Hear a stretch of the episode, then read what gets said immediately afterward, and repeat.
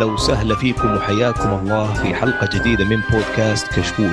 كشكول بودكاست حواري خفيف بعيد عن اي رسمية، نحب نغطي فيه أهم الأحداث الأسبوعية للمسلسلات والأفلام الأجنبية، الأنمي، ألعاب ال video games وكذلك الأخبار التقنية.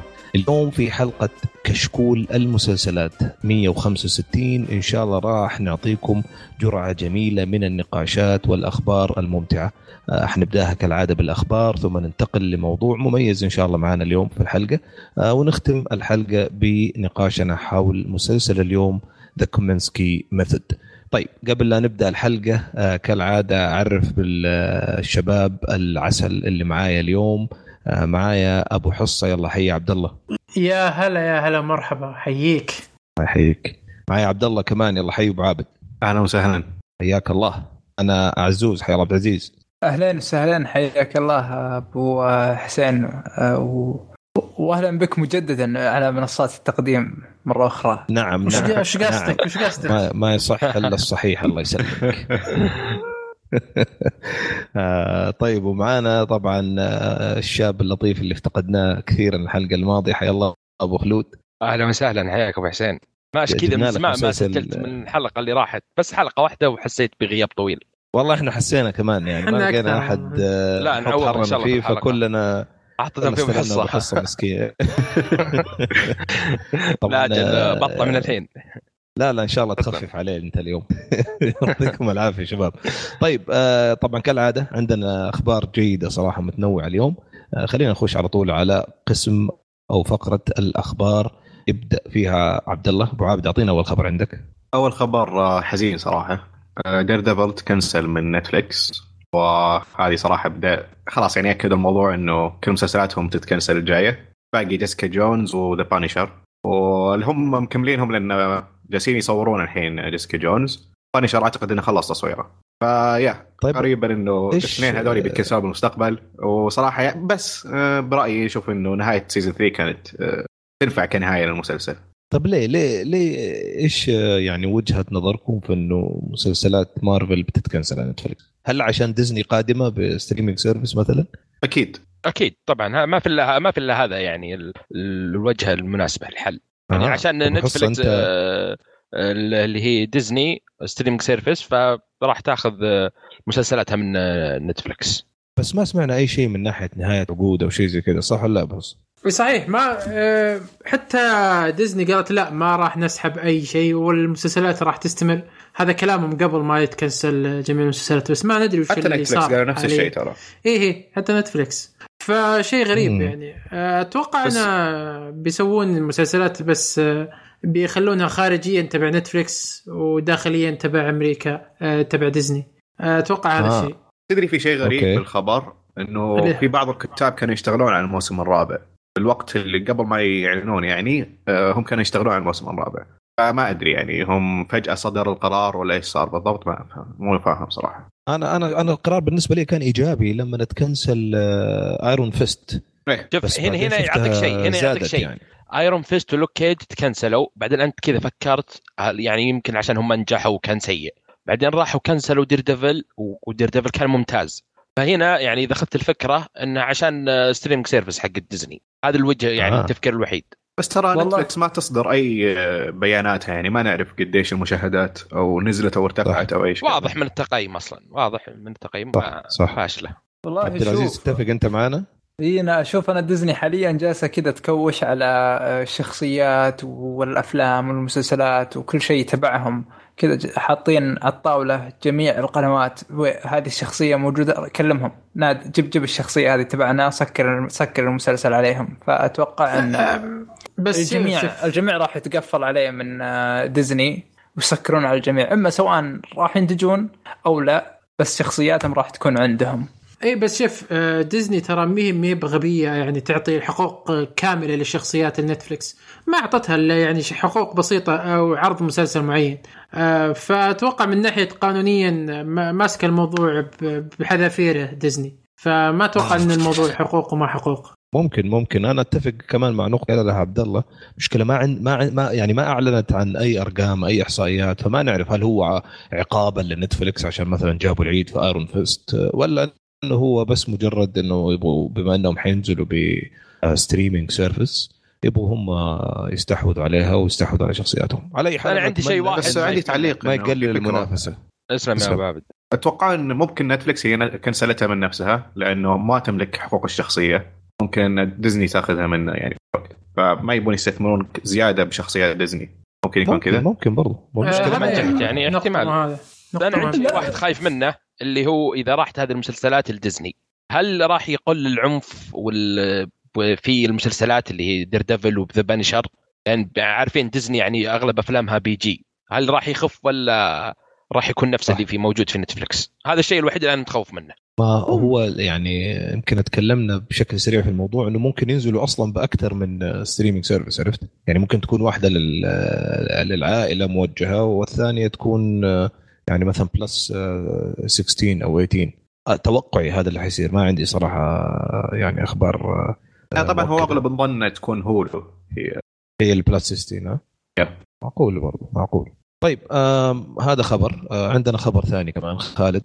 عندي الخبر اللي هو عن آه، انمي آه، كيباب آه، كوبوي آه، Bebop الانمي المشهور. راح يكون له live action من آه، نتفلكس من عشر حلقات. آه، ما أعلنوا متى راح ينزل بس آه، المخرج حق آه، الانمي راح يكون موجود راح يكون متابع للعمل. وفي كتاب صراحة يعني شوف من من ال live action ما تحمست بس من الكتاب تحمست آه، شوي. راح فيه يكون ك- من كتاب Mission Impossible Ghost Protocol Protocol في كاتبين. اللي هو وعندك في من كتاب آه، Jumanji وفي من كتاب Venom آه، مو بكتاب co-writer يعني مساعدين تقدر تقول. إيه فهنا هنا تحمست هنا شيء غير, غير اللي متعودين على ال live action اللي تسليك. طب طب في أحد منكم شاف آه، كاوبوي بيبوب؟ أنا. إيه، عشرة إيه، رأي. س- آه، أنا شفته. نايس. أنا شفته عادي. آه، عادي جدا. شكرا. شكرا على الأخلاق. لا طبعا ما هو عادي جدا أكثر من ما عادي. يستاهل ما لا شوف ممتاز بس ما يستاهل ابدا مو بعادي. ابدا آه. مو بعادي المسلسل عادي. خالد لا، لا لا، لو فتحنا كان الموضوع. ح- حتقلب مشكلة فخلاص. أنا وجهة نظري عادي تفضل بالنسبة لي. بحصه لا ما نبغى ما آه، نبغى لا. كان آه، كان غير وكان سابق عصره تقريبا في في الطرح جداً. في كل شيء. جدا آه، جداً. لكن يعني الوقت اللي آه، نزل فيه كان آه، ممتاز اسلم أبو حسن. آه، لكن بالنسبة لموضوع ال- أن الأنمي يحولون live action نتفلكس صراحة احس انها زودتها شوي في الموضوع هذا. لأن الأنمي حالات بالأنمي. ما ش... ما عمري شفت أنمي تحول live action وطلع كويس. في أحد منكم شاف أنمي تحول live action وطلع كويس؟ ما في ابدا. أنا في في نظري. الآن ما أشوف أي شيء. فما بس ادري إحنا أحس إنها فرصة من خطوة بتكون من سيئة قاعدة شوي. نعطيه فرصة من قاعدة أبو عابد يعني إنه كل عمل نقيمه لحاله. فممكن بس أنا أعتقد إنه ممكن فكرة Cowboy Bebop واسلوبه أسلوبه بالطرح مناسب إنه يكون مسلسل يعني, يعني بيجي إن شاء الله أكشن. كويس مقبول مع الكتاب. يعني داخلينه بقوة. ممكن.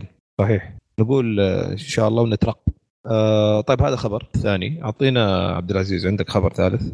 آه، okay. عندنا آه، مسلسل Modern Love تبع آه، راح يكون تبع امازون ثمان حلقات 2019 ممكن آه، راح ينزل.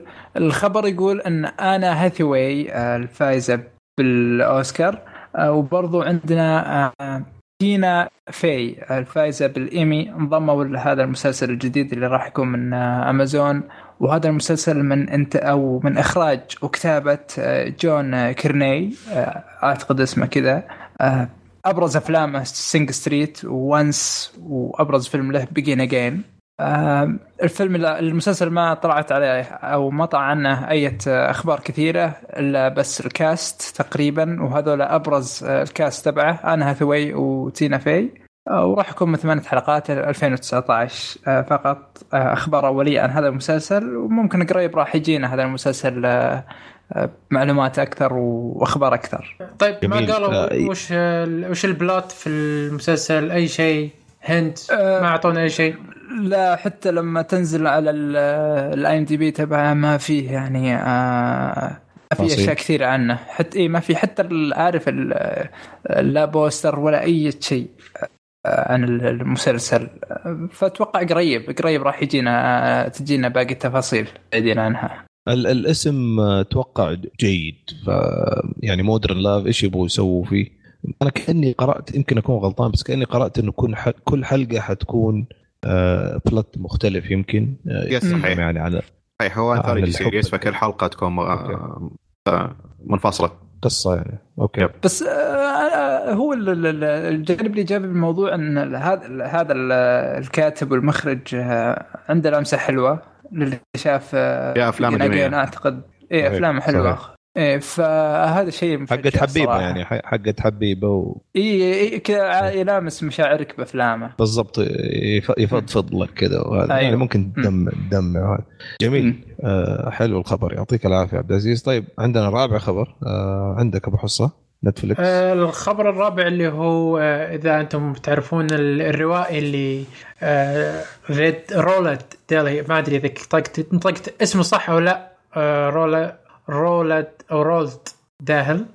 أتوقع كذا اسمه. أبو- وين أبو خ- وين أبو خالد؟ أبو خالد عادي حنمشي لك هي.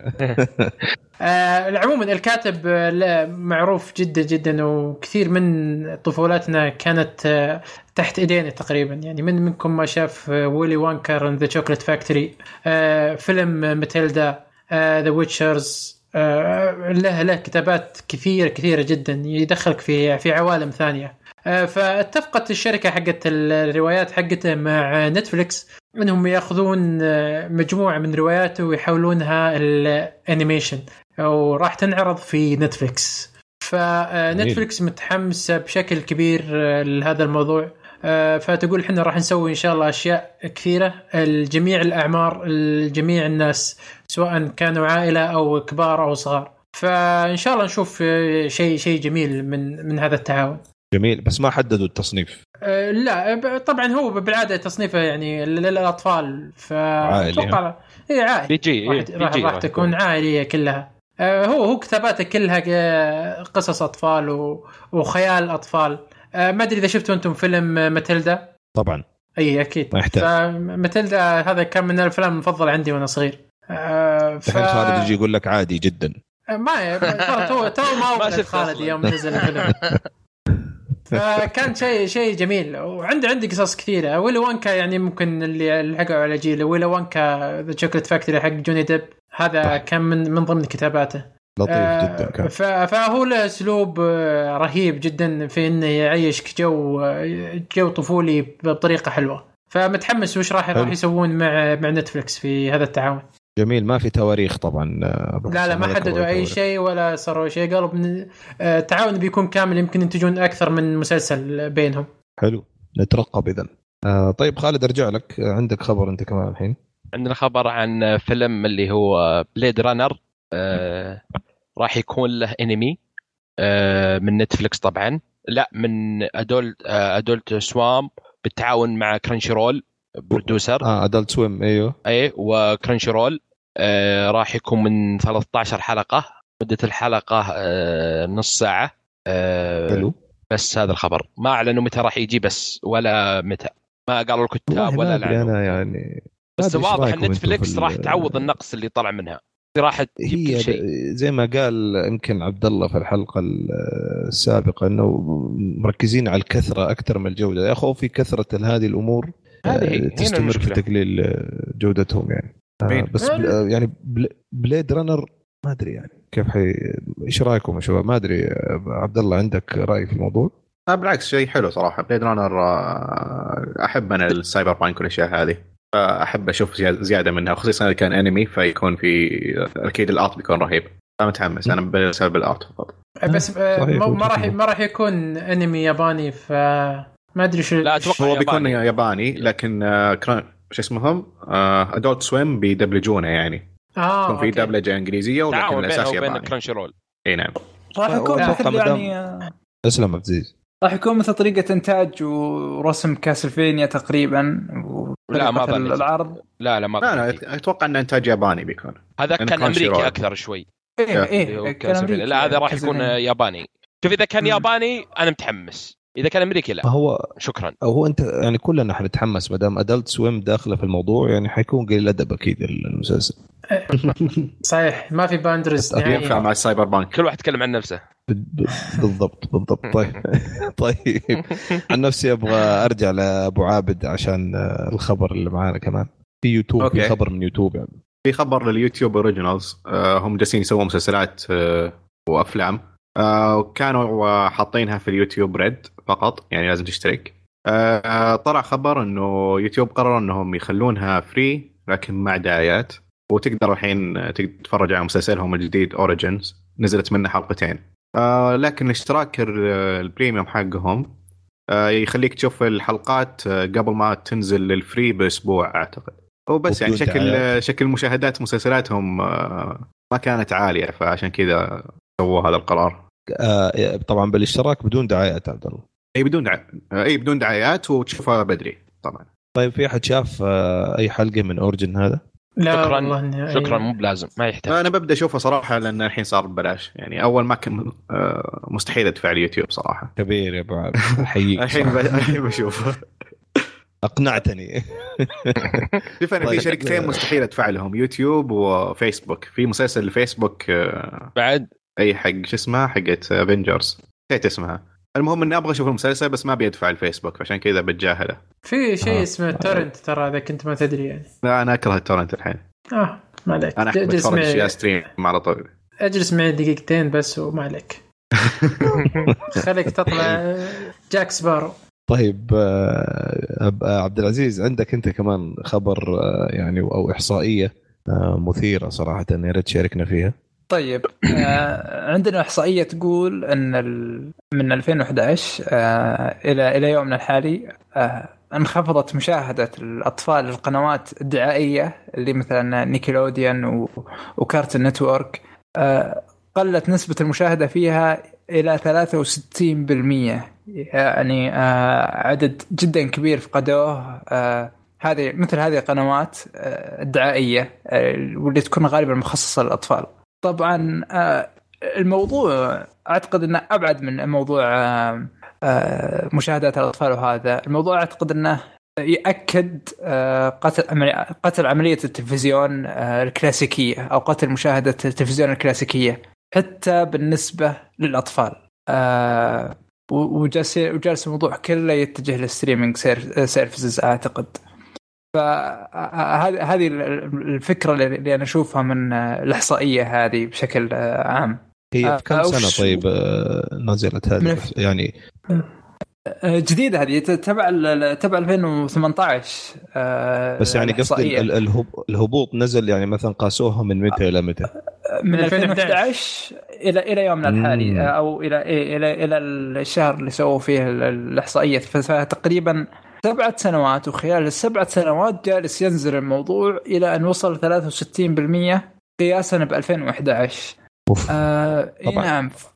مؤشر واضح. أتفق معك 100% مؤشر واضح صراحة. يا أغلب شيء- ولا- لليوتيوب شيء طبيعي. كذا. لا أنا إيه، بعد وبعدين لا تنسى أصلا ال- آه، قول أبو حصة قول. أتوقع حنقول نفس الشيء. قول. أقول لك هذا شيء شيء طبيعي جدا. يعني آه بعطيكم يعني شيء من من تجربتي الشخصية أنا.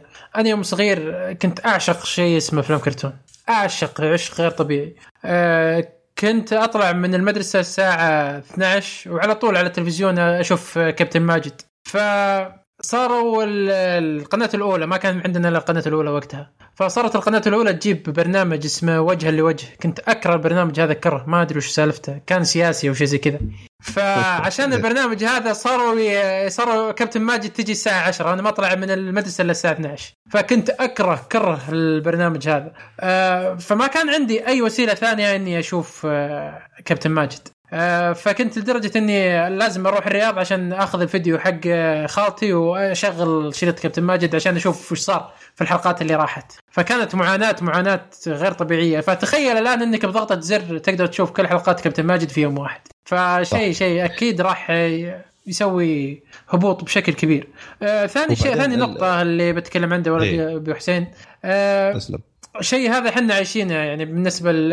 أقرب شيء قد تونا نتكلم فيه أنا وابو حسين موضوع الأطفال و... وقصة بيبي شارك اللي غثت أم حياتنا هذه. إيه، فانا أنا عندي بنتي لدرجة إنها ما ترقد إلا ببيبي شارك.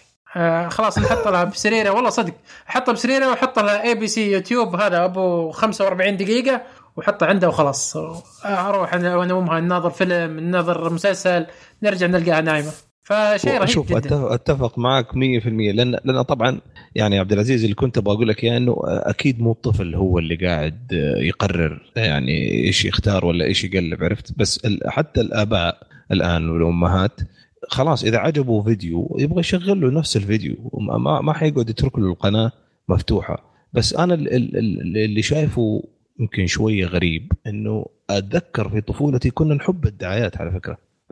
نستمتع في الدعايات يعني. اي أنا؟ اعشقها اي كنت اعشقها وما ال ال الآن ما أتوقع الموضوع بيد الأطفال لو بيد الأطفال بالعكس يبغوا يشوفوا الدعايات ويشوفوا الألوان ويشوفوا ال- التنقيز والأشياء والحركة السريعة والموسيقى. أتوقع بالنسبة للطفل نفسه ما عنده مشكلة يشوف دعايات. بس ال ال الآباء اللي بيشغلوا لهم ال- الفيديوهات خلاص يعني أصبح الموضوع ممل إنه يفتح له مثلا قناة ويتركه على القناة جالس آه، ويشوف أحيانا وتيجي مثلا مسلسلات أو أشياء هم عارفين إنه ما تعجبه.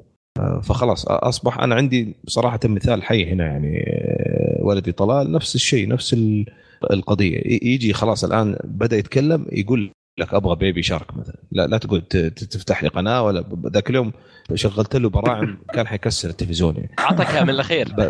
من الآخر جيب بيبي شارك كذا. فأتعودوا شافوا الموضوع سهل. بالنسبة للآباء أريح يعني. فأتفق معك مؤشر واضح جدا. أو الآباء يخت- يختارون يعني المحتوى اللي يشوفون أطفالهم أسهل من التلفزيون. بالضبط. يعني أنت تختار بالضبط. البرنامج وخلاص هذا البرنامج اللي يشوفه اما لما تحطه بالتلفزيون حيتفرج أكثر من شيء. مو بشرط أنت تبغاه يشوفه يعني. صح. آه أنا حطيت لها نتفلكس. أضمن يعني. حطيت لها نتفلكس وبشوف وش عندهم برامج أطفال. لقيت باص المدرسة. باص المدرسة اذكره رهيب آه، يعلمنا أشياء كثيرة. فنفس. نفس نفس حالة ولدك. كان ما جاز لها أخذت ال- اللابتوب وطلعت برا. ما ما, جاز ما جاز لها الوضع. وتطور معاهم الموضوع على فكرة يعني تنزل فجأة تلاقيه ماسك الجوال حقك وفاتح يوتيوب وقاعد يحرك يعني. يعني يعني هو أصبعه أصلا يعني ما ماني عارف كيف يقدر يحرك فيه يعني ربع الشاشة يمكن. آه، وتلقاه برضه ماسك اليوتيوب ويختار فيديوهات ويحرك كذا بأصبعه يعني لا تعليق آه، فيهم جرأة الله يحميهم. لكن آه، مؤشر أتوقع يلمح بشكل واضح على الكلام اللي كنا نتكلم فيه يمكن قبل آه، الحلقة الماضية واللي قبلها لما لما تكلمنا عن إتش بي أو ووضعها في ال في ال يعني من منافسينها في ال streaming service التوجه أصبح هناك أنا أبغى أبغى أتفرج اللي أنا أبغاه. فالجيل هذا حيطلع الإحصائية هذه أتوقع حتزيد كمان يا عبد العزيز. حلو كل الكلام. كل كل كل كل يوم أو أو مثل مثل هذه الإحصائيات تبين لنا إنه لأن الأطفال كانوا جزء لا يتجزأ كبير جدا من آه، التلفزيون الكلاسيكي أو مشاهدة التلفزيون الكلاسيكية. فلما تفقد هذا الكم الهائل من المشاهدين ممكن يعني كان ممكن التلفزيون الكلاسيكي الحالة يقوم على على الأطفال. لكن لما تفقد آه، هذه ال- الخلية من المشاهدين فبرضه جالس أنت كل يوم جالس يموت حرفيا على التلفزيون الكلاسيكي. صحيح يعني في ف- المستقبل ف- بيصير آه، التلفزيون زي الراديو اللي يتفرجونه زي الشياب الحين اللي يسمعون الراديو. مو بالحين أو- قبل يسمعون حتى. يعني. أيوه إيه اللي هي طريقة ال- القنوات العادية. لكن آه، كجهاز بيصير فيها التلفزيون smart TVs هذه أتوقع هي اللي بتصير تمشي. صحيح. صحيح. طيب آه خلونا نشطب على فقرة الأخبار بآخر خبر آه، أعطينا أبو حصة آخر خبر عندنا اللي هو آه الخبر للأمانة آه ما يخصنا إحنا لكنه يهمنا أن نشوف المستقبل وين رايح أكثر من ما ما هو يهمنا. الخبر يقول إن المسلسل اللي هو حبيب الشعب فريندز أعلنوا نتفلكس إنهم راح يلغونه من نتفلكس في تاريخ 1 يناير 2019. فالناس كان منصدمه بشكل كبير إن في مسلسل الرهيب فريندز راح ينتهي من نتفلكس. فما راح تشوف في مكان ثاني ليش أعلنت نتفلكس الشيء هذا لأن ورنر براذر أو هي ورنر براذر الشركة اللي ماسكة فريندز آه قالت إن آه راح تسوي streaming service خاصة فيها وراح يصير آه. ينعرض فيها مسلسل فريندز من ضمن ال- المكتبه اللي هي عندها لكن الخبر هذا قال إن آه، الانقطاع عن فريندز في نتفلكس راح يكون بس في أمريكا. آه، ما راح تنقطع نت فريندز ما راح ينقطع في كندا أو السعودية أو أي مكان ثاني. فهذا خبر جيد وسيء في نفس الوقت. جيد آه، لأنه ما راح ينقطع عندنا وسيء انه نشوف المستقبل وين وين بيروح. يعني الآن أمريكا بكرة كندا بكرة بريطانيا بكرة أوروبا بعدين حنا فهذا يوريك المستقبل وين رايح. صح. وهذا أتوقع يختم فيه النقاش أصلا اللي لنا فتره نتكلم فيه. كله متجه لهناك على فكرة أنا بس قبل آه، ما ننهي النقطة دي آه، أتذكر في أمريكا ترى كل القنوات على فكرة عندها streaming service صحيح. يعني فوكس لهم streaming service لهم موقع فوكس تشوف فيه كل مسلسلات فوكس و ABC ABC برضه بالضبط. وكلهم كلهم لهم على فكرة. بس إن القهر انه انه إنك برضك مجبور على الدعايات. وكانت free على فكرة. إذا كان عندك مثلا أنت اشتراك كيبل من من آه، من شركة معينة تعطيك الشركة user وبال user هذا تخش في, في أي streaming service آه، عشان كذا يمكن تتذكروا كنت أقول لكم آه، نتفليكس ما كان مسيطر زي ما هو مسيطر خارج أمريكا. آه، لما ما يكون في خيارات أخرى خصوصا عندنا هنا ما في خيارات أخرى.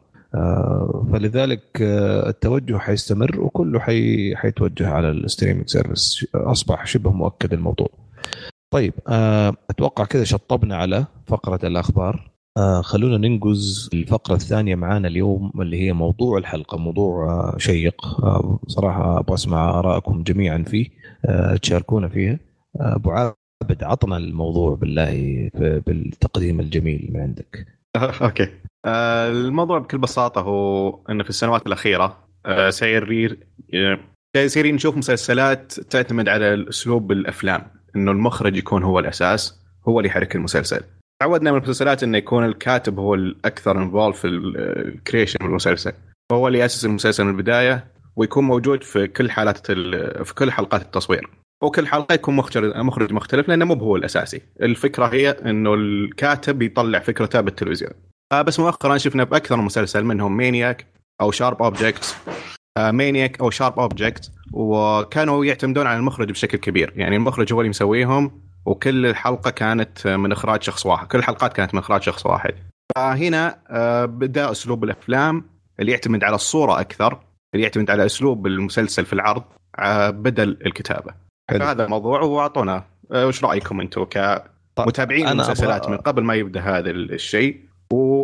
ورايكم انه قد إيش تأثير الكتاب هو الأهم في المسلسل أو لا؟ أو انه تشوف إنه ممكن يكون في توازن بين الإخراج والكتابة أو لا؟ تشوف إن المسلسلات هي المكان للكتاب فقط وليس للمخرجين. حلو. وأنا أبغى أطرح آه، يعني نقطة حرش وأبدأ فيها معاك يا أبو حصة. آه، تتفق إنه هذه مشكلة جاك راين؟ لا.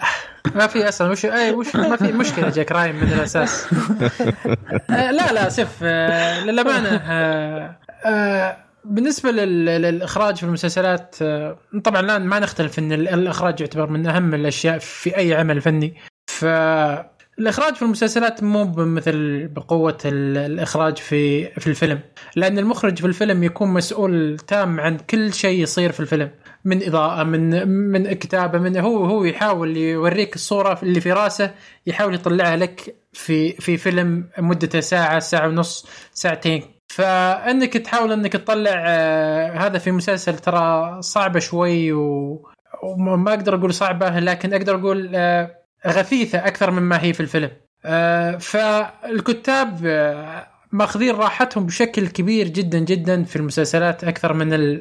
من الأفلام لأن مثل ما قلت برضو النقطة الثانية في. في الفيلم إنك ساعة ونص أنت تحاول بقدر الإمكان إنك تضغط نفسك حتى لو كان عندك قصص طويلة وهذا اللي نشوف إن بعض الروايات آه، أو قراء الروايات ما تعجبهم الأفلام لأنهم يحاول يختصر لك أشياء كثيرة وما يحاول يبني لك آه، بشكل كبير وهذه الميزة الثانية اللي في المسلسلات إنها لا تحاول بقدر الإمكان إنها تبني لك شخصيات تبني لك مشاهد تبني لك آه، أحداث فهذا الفرق بين المسلسلات آه، والأفلام من ناحية الإخراج والكتابة. آه،. لكن مثل ما قلنا في- حاليا في ال- المخرجين اللي حاولوا. طيب، تفضل. إيه اسلم اسلم. آه، مثل المخرجين بس آه يعني في ال- في النقطة دي بالذات آخر شيء اللي أنت ذكرته كنت بسمع رأي عبد العزيز في الموضوع آه إنه المساحة أكبر في الإخراج في الأفلام ولكن ما حتمشي في المسلسلات. صحيح صحيح. آه شوف أعتقد هذه الظاهرة أصلا اللي هي ظاهرة إن آه، المخرج يمسك آه، كامل المسلسل سبع ثمان عشر حلقات أي شيء. هي جت مع آه، مخرجين الأفلام أنفسهم لما انتقلوا إلى إخراج المسلسلات. لأن من أول كانوا تقريبا عالمين مختلفين. مخرجين حلقات المسلسلات كانوا كذا لحالهم جالسين وتلقى واحد يتنقل مثلا ما بين مسلسل ومسلسل يخرج بالسنة مثلا ثلاثة حلقات ويحط فيها جهده وإبداعاته وطريقة سرده.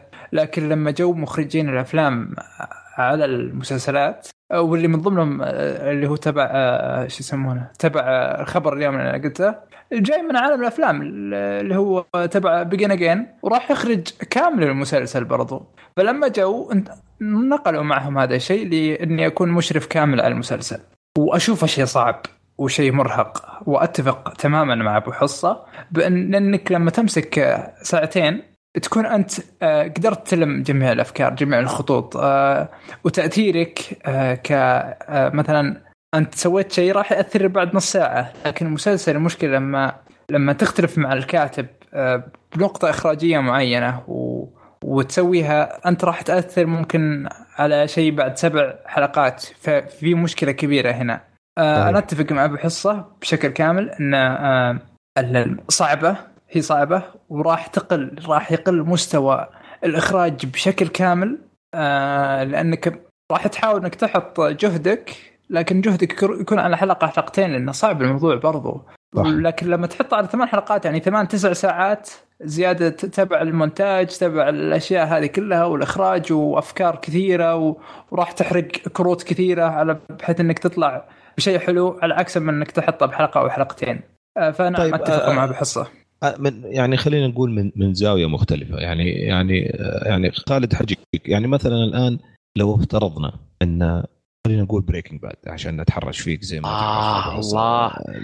اي كذا يعني محسن اي Breaking Bad اي كمل. تخيل لو أن Breaking Bad أيوه. آه أسس وصمم و...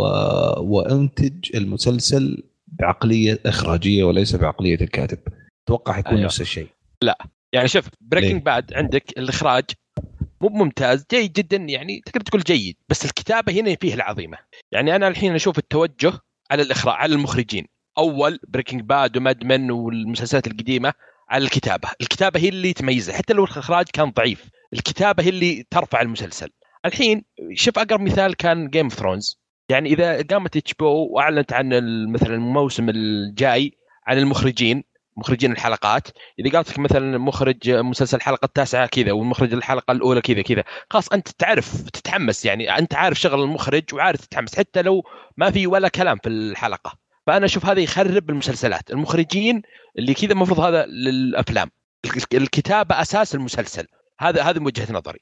الله طيب يعني أنت أو خليني أجيك عبد الله يعني ما أدري أنا أشوف مسلسل يعني كلمة مسلسل أو سيريس من تسلسل وتسلسل إحنا نتكلم تسلسل أحداث تطور شخصيات يعني هل المفروض يكون الكنترول والتحكم في يد الكاتب أو في يد المخرج في المسلسل؟ أنا بالنسبة لي قد تكلمنا أنا وبحصه في أحد الحلقات القديمة أو قديمة هي بس يلا آه إنه وش اللي يميز المسلسلات بالنسبة لنا؟ وأنا أعتقد إني ذكرت أتذكر إنه أعتقد إن أبو حصة وافقني إن المسلسلات يميزها الشخصيات وبناء الشخصيات. فلما يكون المسلسل يعتمد على المخرج فالمخرج يعتمد على الصورة اولا وأخيرا. الصورة والألوان وكيف يطلع المشهد. أما الكتابة ي... ي... الأساس فيها هي الشخصيات. طريقة كلامها طريقة حواراتها بنائها ماضيها. فهذا هو أساس المسلسلات. بالنسبة لي يعني في رأيي الشخصي آه الكتابة هي الأساس المسلسلات لكن آه في أشياء كانت مميزة وكانت تعتمد على اسلوب المخرج. مثل قلت Sharp Objects و Big Little Lies ومانياك بس أعتقد إني قلت آه ولما راجعنا مانياك آه قلت إنه السلبية الكبيرة عندي في المسلسل هي كانت الكتابة والشخصيات. ما عجبتني. لأنه ما كان ما كان المسلسل مركز عليها. كانت تشوف يمكن كل حلقه آه تعتمد على الصور وطريقة عرضها المختلفة. لكن في مسلسل بيجلت اللايز شفت إنه كان في توازن بين آه طرح القصة بالتصوير وطرح القصة بالكتابة. هنا كان في توازن ممتاز صراحة. برضو نفس الشيء ب Sharp Objects مع إني أشوفه أقل من من من Big Little Lies كان يعتمد أكثر على الإخراج لكن كانت الكتابة فيه آه، مميزة صراحة يعني كانت الشخصيات مبنية. بس برضو يظل نفس الشيء إنه في نقص اللي تشوفه من المسلسلات الثانية زي ما زي ما قلنا Breaking Bad، Mad Men هاي المسلسلات يعني تحتاج سنوات انت عشان أو مواسم عشان تتعرف على الشخصيات وترتبط فيهم أكثر. هذا مستحيل تشوفه. بالمسلسلات اللي ذكرتها أنا. طيب يعني شوف أنا الحين لما أقعد أتذكر وأسترجع ما ما حرجع مرة مرة يعني في الزمن. بس خلينا نقول مثلا من منتصف التسعينات نهاية التسعينات إلى الوقت الحالي. أغلب المسلسلات اللي ضربت مو بس نجحت نجاح عادي خلينا نقول ضربت كان التحكم في يد كتاب. يمكن اللي يخطر في بالي مسلسل كان فيه يعني التحكم بيد المنتجين والمخرجين وكان أسطوري يمكن Band of Brothers حق HBO هذا اللي يخطر في بالي الآن. آه، فهل يعني هل هي وصفة نجاح؟ أنا صراحة أشكك في الموضوع بس برضو نسمع رأيكم. هل حتكون مسلسلات ممكن تضرب ضرب خرافي؟ ون- وإذا كانت التحكم بيد المخرج والمخرج مقرر كيف يكون المسلسل وكيف يكون شكله وكيف ينعرض وكيف تسلسله؟ شوف بعطيك. أقرب مثال. آه اللي هو Game of Thrones أول المواسم لو تتذكرها كانت معتمدة على الك- الكتابه والحوارات وكانت ممتازة. كان الإخراج عادي عادي جدا وما كان مشهور المسلسل في ذاك الوقت. بعدين يوم توجهوا واعتمدوا على المخرجين في المواسم الأخيرة اشتهر اشتهر المسلسل في كل العالم. فهنا صار الوضع بيد المخرج. فعشان كذا تشوف ال- لا بس بس خالد أنا ما أتفق معك هنا لأنه لأنه ما زال المتحكم في ال في Game of Thrones ترى الكتاب. هي حلقات معينة إيه. فقط اللي تكون بيد المخرج. هم بس حلقات معينة ترى يسلموها لمخرج معين لأنه طورهم في كتابة الحلقة حي... حيبدع فيه المخرج المعين. إيه الكتابة كانت في المواسم الأولى. ال- الكتابة كانت في أول ثلاثة أو أول أربع مواسم من لا دقيقة خالد. هي بالمواسم الأخيرة حتى الحلقات اللي تكون آه، الاعت- الاعتيادية تكون درامية هاي كلها بتحكم الكتاب. لكن الحلقات اللي تكون المخرجين. فيها في تكون فيها CG كثير يكون فيها battle زي آه، شو اسمه الحرب اللي صارت بينهم نسيت اسمها إي هذا بيد آخر موسم. شوف آخر موسم آخر موسم السابع أتوقع يطلعونها كان أغلب الحلقات مخرجينها آه، مخرجين. ما كان ما لهم دخل ما في كتاب أصلا فيها. كان مخرجين إيه، بس أنا- محطينها. صح صح معلنين عنهم أنا من قبل. لك. حفهمك ليش أنا ما أشوف Game of Thrones مثال جيد في ال- في ذا النقاش. لأن لأن أساس المسلسل أسس من البداية من عقلية كتاب. من أيوه أتفق الأساس. معك هنا. اي هنا أتفق معك. لكن إحنا نتكلم على مسلسل من الأساس اللي جاي يبغى يبدأ العمل كامل مخرج مو مو أنا أقول جيم ثرونز بدأ زي ما قلت أنت بدأ على الكتابة. بعدين توجه إلى الإخراج. يعني أنت تبغى تقول إنه صار أسوأ لما توجه الاختراج إيه للإخراج؟ من وجهة نظري إيه. من وجهة أها. نظري. طيب بس يظل ممت... يعني ناجح. بس يعني من وجهة نظري قل مستواه ما أنا أنا يعني الم- المشكلة إنه يعني أنا ماني عارف كيف آه، وصححوني إذا أنا غلطان بس آه، أنا لما أبغى أشوف إخراج خرافي آه، طبيعي أبغى أروح السينما. أحيانا أنا أبغى أروح السينما ما يهمني كثير أشوف قصة قد ما إني أشوف مؤثرات وصوت وأعيش الجو و و و والى آخره. لذلك المخرج يبدع هناك. لكن كيف حيبدع في شيء زي كذا في في المسلسل؟ يعني أنا بالنسبة لي صراحة جاك راين كان اخراجيا أكثر من رائع. لكن في النهاية رأيي عن المسلسل كان سلبي. لأني أنا أبغى أشوف مسلسل أبغى أشوف تطور أبغى أشوف تسلسل يعني. أرجع لك كذا اي هذه هي. إيه. آه، أتفق معك هنا مرة كثير لأنه أنا بالسينما أتقبل الأشياء اللي تكون بالقصة آه، فيها مو مرة مهمة. يعني آه، بحط مثال يعني ما أدري مو مشهور. Ghost Story يمكن نزل السنة الماضية. القصة آه، ما هي قصة يعني بس واحد مات وصار آه،. شبح إيه. وجالس يناظر زوجته. آه تبع كيسي افلك yep هذا هو. آه أيوه. القصة عادية ما في حوارات المسلسل الفيلم. لكن إخراجه يعني خلاه بالنسبة لي هو أفضل فيلم لأنه الصورة فيه مرة مميزة. لو كان إيه كان صح، هذا الأسلوب صح. في مسلسل أبى أقفله من ثاني حلقة مستحيل أكمل. إي هذا اللي هذا اللي يميز. هذا اللي يفرق بين المسلسل والفيلم. طيب أبو حصة أنت إيش رأيك؟ آه، ما أزود على الشباب لكن آه، بس خليني أقول نقطة انه آه، مو بمعناها إن المخرج في المسلسل ما له ذيك الأهمية. هي تقريبا وصفة صعبة جدا إنك آه، آه، تجيب مخرج كويس وكاتب كويس وتوظفهم في مسلسل آه، تخليهم يشتغلون مع بعض في بناء مسلسل كامل. هذه الوصفة جدا جدا صعبة وقليل ما ما أذكر في رأسي يعني مسلسل آه، زبط هذه الوصفة بشكل كبير. إلا إذا كنت أنت مثلا جايب مخرج ممتاز جدا جدا وكاتب آه، كويس وتخلي المخرج هذا يخرج له حلقة حلقتين وهذا اللي جالس يصير في مسلسلات حاليا. لكن آه، في مسلسل تقدر تقول يعني أشوف إنه ضبط هذه الوصفة بشكل كبير اللي هو مسلسل Mindhunter على نتفليكس مم. آه، أنا في رأيي إيه. أشوف آه، هو اللي تقريبا ضبط الحبكة هذه بشكل كبير مرة مرة لأنه كان كتابة استهبالية من الكتاب آه، بالمقابل كان في ديفيد فينشر في إخراج استهبالي مع في بعض الحلقات كان فيها مخرجين مختلفين لكن آه، كعموم المسلسل كان وراه آه، ديفيد فينشر مخرج كبير جدا جدا. بس ف- أعتقد إن المسلسل آه، اساسه كتابة مو يعني مو زي ما قلنا المسلسلات الثانية إنه بد- آه، اساسها المخرج يعني بنظرة المخرج. آه، ما حسيته كان بنظرة ديفيد فينشر يعني كل الموسم. في بالعكس كم حلقة كانت ما بنظرة ديفيد فينشر؟ لا بالعكس أنا ما أتفق معك ابو عبد آه، آه، يعني أنت لو تعرف في حلقات اللي مخرجها ديفيد فينشر تكون واضحة. لا لا عموما ال- الاسلوب أسلوب ديفيد فينشر عموما. أنت لو تشوف أفلامه ترى أنا بس التنويه أنا شخص أعشق ديفيد فينشر مرة مرة. فأنت لو تنتبه لأفلامه لو تنتبه لأسلوبه الخاص كيف يوريك زوايا التصوير كيف الألوان اللي يستخدمها في في الأفلام وشيء شيء استهبال. فأنا حسيت بديفيد فينشر في Mindhunter أكثر مما حسيت منه في House of Cards. ف Mindhunter حسيت في في في لمسة ديفيد فينشر. حسيت باسلوبه حسيت بألوانه في المشاهد حسيت إنه ب... كيف يأخذ لك المشهد بطريقة كبيرة خصوصا في في مشاهد آه، أنا ما أنساها إلى الآن فهذه تقريبا في نظري هذا يشوف آه، أفضل وصفة شفتها كانت بين مخرج وكاتب إيه، وطلعت صح. لي. محتوى كويس شوف في النقطة دي بحصة بالذات أتوقع كلنا متفقين ما هي إذا إذا وصلت التوليفة دي أتوقع المشاهد حينبسط أكيد. لكن أ- أرجع أقول أ- ال- التساؤل الأكبر إنه لو أساس المسلسل ما في شيء الآن أوكي؟ ما في ولا شيء. أنا مخرج رحت لشركة إنتاج وقلت عندي هذا العمل أنا أنا اللي حسويه وأبغى أسويه على على على أساس مسلسل. من منظور رأس مخرج. هنا من وجهة نظري أنا ما أعتقد هذا الشيء حينفع في ال- في المسلسلات إلا إذا كان مخرج يعني. خلينا نقول هو عنده عنده آه، يعني المهارة الروائية. التلفزيون. لا بالضبط. دقيقة ب- أبو حسين بس عندي نقطة، إذا كان المخرج لنفترض أن المخرج أه، كاتب في نفس الوقت، كيف راح وهو هذا اللي أقصده أنا. مو هو هذا اللي أقصده. ما هو أنت إذا كاتب معناته أنت كاتب. طالع برا النقاش هذا أصلا. لأنك تعرف تكتب. فحتى حتكتب المسلسل بعدين حتفكر كيف حتخرجه أو حتى لو في بالك كيف حتخرجه حتحاول تكتب أكثر شيء قريب للإخراج اللي أنت تبغى تسويه. لكن عندك اقرب مثال ديفيد فينشر يعني. سواء مسلسل أو مسلسل مرة مناسب للتلفزيون. بالضبط. أنا أنا ما أعتقد ديفيد- ان ديفيد ما لينش، جالس أقول معليش. مي- آه، 100% يعني يعني وصفة فشل. أنا ما بقول لك إنها وصفة. فشل. أنا بس جالس أتساءل كيف حيتقبل المشاهد. الوضع هذا كيف حيتقبل؟ اذا إذا أنا أصلا جالس أبغى أشوف شيء تسلسلي و- والتعريف البسيط للتسلسل إنه يكون في تطور في الشخصيات في الأحداث في القصة في في في في مو بس في الإخراج. إذا إذا بس في شيء في الإخراج حروح أشوف فيلم. يعني هي هي كذا كانت وطول عمرها كذا.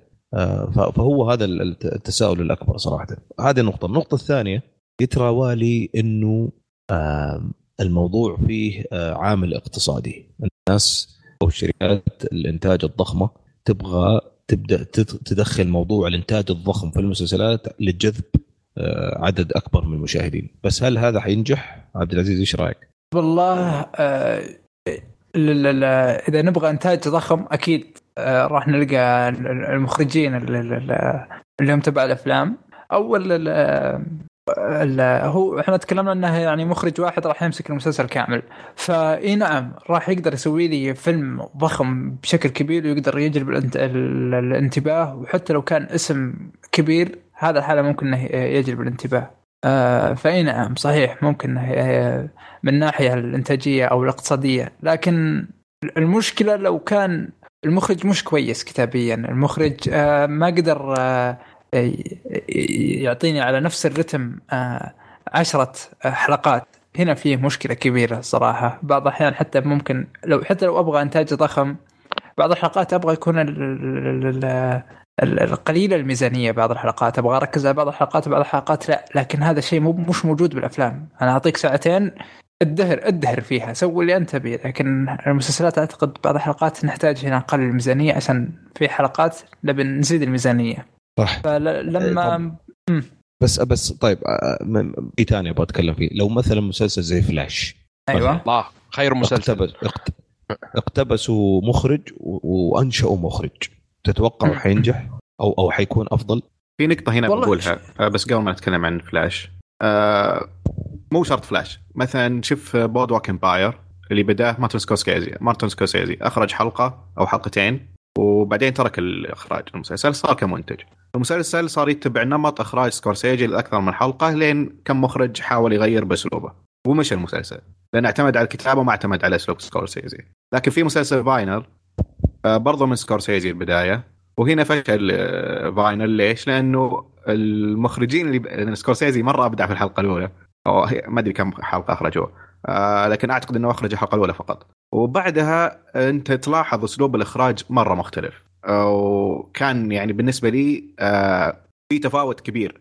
وهذا خلى المسلسل يعني ينقص مع إن المسلسل عاجبني يعني. لكن هذا اللي زاد التفاوت بين الحلقات يعني. هذه مشكلة تصير بال... إذا اعتمدت على المخرج من البداية وبعدين شلته آه، كيف بيكمل المسلسل على نفس الرتم حلو يعني أتوقع إنه كلنا متفقين تحتاج ال- ال- ال- التوازن بين الاثنين ولكن قبل لا أنهي يعني موضوع الحلقة كل واحد آه، قبل ما تنهي أنت. دقيقة بعلق على شيء. قاله خالد استفزني صراحة تفضل أنا هذا المطلوب. أصلاً. أنا مرة تفضل، استفزتني نعم. وما نسيت أعلق الحين كيف آه، إخراج Breaking Bad ومدمن خايس؟ لا ما أقول خايس أقول إنه م- عادي جيد جدا بس معتمد على الكتابة على وقتها الكتابة هي اللي رفعت المسلسل مو بالإخراج الكتابة okay بس أنت كمخرج للتلفزيون وش المطلوب منك؟ يجيك الكاتب يقول لك أبي كذا وكذا وكذا وأنت إيه، تطلع لا، فكرته أنا- أنا على التلفزيون. فاهم بس أنا فيعتبر يعني ممتاز. متابع للمسلسلات أستنى من المسلسلات كتابة بعدين إخراج. بالأفلام لا أبي إخراج بعدين كتابة بعدين بعدين. بس إذا رحت لك المسلسل وشافت أعطاك إخراج زي جاك راين. خلاص دروب على طول. فأنا أقول أول كانوا يعتمدون على الكتابة. الحين المسلسلات ال- ال- في السنوات الأخيرة يعتمدون على الإخراج أكثر من الكتابة. طيب أنا آه، هذا على فكرة السؤال اللي. كنت آه، حلو. هذا السؤال اللي كنت حختم فيه بما إنك خالد أنت قلت رأيك. آه، نشوف باقي الشباب اللي هو هل أيهم أيهم ممكن يشيل المسلسل؟ يعني في وجهة نظرك بدون الثاني. يعني إذا كانت كتابة خرافية بإخراج متواضع هل تتقبل فيه؟ أو العكس إذا كان إخراج خرافي لكن كتابة متواضعة أنت تتقبل فيه. أبو حصة أبدأ معك عارف الإجابة من جاك راين بس حبدأ معك. لا دقيقة بس على طاري جاك راين. آه، خالد أنت شفت جاك راين؟ ما يحتاج ما يحتاج. كمل. آه، okay خلاص. كذا هيك يكون سؤالي أنهى جوابك اللي تو. فأقول لك إن آه، بالنسبة لي أنا آه، هن تقريبا يعني عملتين الوجه واحد ال- الإخراج يخليك تشوف المسلسل وال- والكتابة تخليك تشوف المسلسل. فإذا لا، كان أنا أقول لك إخراج لو واحد آه، فيهم إيه فاهم فاهم. فاهم فاهم إيه، سؤالك. أنت؟ فاهم سؤالك أنا فاهم سؤالك. فإذا كان الإخراج قوي والكتابة تعبانة أنا طبعا أكيد راح أستمتع بالإخراج. إذا كانت الكتابة مرة قوية والإخراج تعبان راح أستمتع في الكتابة. ففي كلا الحالتين أنا مستمتع. فما يعني آه هذه تعتمد على الشخص. أنت وش تفضل؟ هل تفضل الإخراج أو اي أنت الكتابة؟ تفضل؟ أنت أنا تفضل. شخصيا آه والله ان كلهن أنا أفضلها لكن أفضل الكتابه طبعا شيء أكيد. حلو. آه، إجابة آه، وافية. عبد العزيز. والله شوف إحنا عندنا بعالم المسلسلات آه لما نقول خبر آه عن مسلسل جديد أو شيء دائما ترى نركز على من راح يكون. الكاتب. وترى نتداول أسماء الكتاب أكثر من ما نتداول أسماء المخرجين آه في غالب الأحيان. لذلك أنا مستعد أشوف كتابة راقية على حساب إخراج ستاندر أو أو إي نعم. آه على أني أشوف آه إخراج آه فاخر آه بكتابة متواضعة وسيئة حتى. بكل تأكيد راح أختار موضوع الكتابة بكل تأكيد. جميل. أبو عابد. آه لا طبعا أنا مع الكتاب وأتمنى المخرجين يظلون بالأفلام يعني ويبعدون عنهم. إلا إذا كان شيء قصير يعني مسلسل قصير فيا ليش لا؟ أو إذا وزنوها راح يكون ممتاز. حتى أصلا هي تكون. صعبة أصلا إنه تسوي مسلسل طويل مع مخرج. آه ما أحس إنها بتكون إلا إذا كان من موسم. إي أتفق معك إذا كان أعتقد. maximum 10 حلقات. maximum 10 حلقات. ممكن إيه إيه لكن زي أصلا حتى شوف يعني Band انتاجات كلها قصيرة. إي Band of Brothers أقرب مثال. صحيح. Band of Brothers صراحة أنا بال... ب... ب... بالنسبة لي يمكن تختلفوا معايا بس أنا أصلا بالنسبة لي الإخراج الجيد يعني هذا bonus. و bonus أه. بالنسبة لي في أي عمل فني على فكرة فيلم أو مسلسل أنا بالنسبة لي من, من لما أجي أستمتع حتى لو في فيلم إخراجه معفن لكن كتابة ورواية وقصصية رائعة حستمتع أكثر ولا ما عمري كنت حستمتع في أي عمل عربي مثلا. مستحيل. آه، مع إنه في فترة من الفترات جات أعمال عربية بإخراجات خرافية على أيام زمان زي نهاية رجل شجاع وأخوة التراب. فعلا نقلتها نقلة إضافية. آه، بس حتى لو كان في ذاك الوقت إخراجها متواضع كان برضو الواحد حيستمتع في في ال- في الكتابة والقصصية خصوصا في المسلسلات. آه، بالنسبة لي أنا. فما أعتقد إني راح انجذب لعمل مبني من الأساس على الإخراج لأنه السينما مليانة بأشياء زي كذا. يعني مثلا ال series حقت Fast آه، ما دقيقة بس يعني. آه، و- ب- و- اختصر إجابتك مايكل باي آه، تفضل. يا سلام عليك. تفضل. يعني ما في شيء ما في شيء يرسخ يعني تستمتع فيه ويرسخ. على النقيض لو تشوف بعض الأفلام الأسطورية الإخراج كان فيها عادي يعني ما زي, مثلا Shawshank Redemption يعني. إيش ال- إيش الإخراج حق Shawshank Redemption لا، لا، هو لا، من لا، لا، أكثر لا. الأفلام في العالم اللي كانت الناس متفقة على إنه واحد من افضل أفلام في التاريخ. لكن الإخراج يعني جيد. هي هنا ما أرجع زي ما قلت. خرافي. أول مقطع أبو حسين أول كانت الكتابة هي اللي شايلة المسلسلات والأفلام. في الفترة الأخيرة لا الإخراج. هنا المشكلة. صحيح. وأنا هذه آه no هذا واحد من أعتقد نوع من لا، الأفلام اللي. تعتمد على الإخراج الفني. فاحنا نتكلم عن. المخرجين هذول. تحديدا اللي يخرجون بالإخراج. الفني صحيح أنا أتفق معك عبود بس أنا أقول لك حتى هذه أنا ما تعجبني يعني حتى النوع هذا من الأفلام مع الإبداع في الإخراج ما أتذكرها يعني يعني ما عندي مشكلة إني أنساه ممكن أشوفه آه. واستمتع في السينما لكن يعني ما, ما حيكون شيء أسطوري آه، ما راح أنساه يعني آه، مع لكن على العكس يعني في أفلام تكون حتى على أيام يعني ترمينيتر اللي هو دخل بإخراج رائع وش... برضو كانت الكتابة ممتازة صح خرافية لكن ممتازة. وكان في تطور للفيلن في شخصيته وكان في تطور لهذيك الأش... يعني يعني ليش ما نرجع زي ذيك الأيام؟ كان تركيز الفيلم على الإخراج ولكن الكتابة كانت ممتازة. ممتازة على مستواها أنا ماني جالس أقول إنه خرافية لكن على مستواها بالر- مع, مع إنه آه، يعني فيلم خرافي وقصة خرافية أصلا. فهذا صراحة من وجهة نظري أنا بالنسبة لل- للموضوع ده. يعطيكم ألف ألف عافية. قبل لا نختم في أحد عنده تعليق أخير مهم؟ آه، استفزه كذا يبغى يرميه قبل لا نخلص؟ بس أنا أنا, ما عندي صراحة. ما في ما في أفضل من Breaking Bad كل شيء. طيب شكرا. اذا كذا إحنا نقفل على آه، فقرتنا الثانية اليوم اللي هي موضوع الحلقة آه، وخلونا نخش على آه، الفقرة آه، الرئيسية الأخيرة من حلقة اليوم اللي هو مسلسل اليوم. تكلمت عن Breaking Bad فكيت أنا منه. خلينا نخش على مسلسل اليوم. واعطينا إيش مسلسل اليوم. آه، المسلسل اللي راح نتكلم عنه اليوم اسمه The Kominsky Method من بطولة آه، مايكل دوغلاس وألن أركن من إنتاج 2018 من شبكة آه، نتفليكس. من ثمان حلقات مدة الحلقة 30 دقيقة تقريبا. القصة باختصار يتكلم عن شخصية ساندي. هو ممثل معتزل مشهور. وصديقه نورمان وأحداث الحياة من العائلة والعمل اللي تجي بينهم. هذه القصة باختصار. طيب طبعا هو مسلسل كوميدي يعني. كوميدي؟ تقدر تقول. هو. كويس طيب. هو هو في اختلاف، يعني إيش في اختلاف. تقدر تقول يعني؟ في اختلاف في؟ اختلاف. طيب حتى لو في اختلاف بس هو تصنيفه كوميدي ما إحنا يلا تصنيف وتصنيف وتصنيف المسلسل كوميديا. طيب أوكي. واضح إنه ما ما ضحكك ابدا. على الاقل لما تقدم قول لنا إنه كوميدي بس قول لنا. يعني طيب. طيب خليني أنا يعني على السريع أبدأ معاكم شباب واحد واحد. أكثر شيء شدك في المسلسل؟ أبدأ معك بس دقيقة هو من آه، من كتابة تشاك لوري تونا نتكلم عن الكتاب وما قلت الكاتب لوري يا خالد. بالضبط. آه، ضايع أنا من أول المسلسل خلاص يا رجال. آخر مرة تقدم مسلسل خالد. كوميدي كوميدي بالذات. ما راح أتكلم طيب، عن مسلسلات كوميدية ثانية خلاص. طيب عبد العزيز أبدأ معك. خليني أعطيني أكثر نقطة شدتك أو ما عجبتك. أنا ما أدري أنت إيش رأيك أصلا. صراحة آه، أكثر آه، شيء أعجبني أو شدني بالمسلسل آه، كان لما يكون مايكل دوغلاس على الشاشة. آه، أنا هنا صراحة أستانس. كان ظهوره مرة مرة مرة ممتاز صراحة وحواراته آه، طيب، هذا أكثر شيء حنجيك في أعجبني ال- الصراحة حنجيك بالتفصيل الجل في النقطة هذه. عبد الله؟ أيوه معليش. وش السؤال؟ كنا نسأل إيش إيش أكثر شيء شدك أو أزعجك في المسلسل؟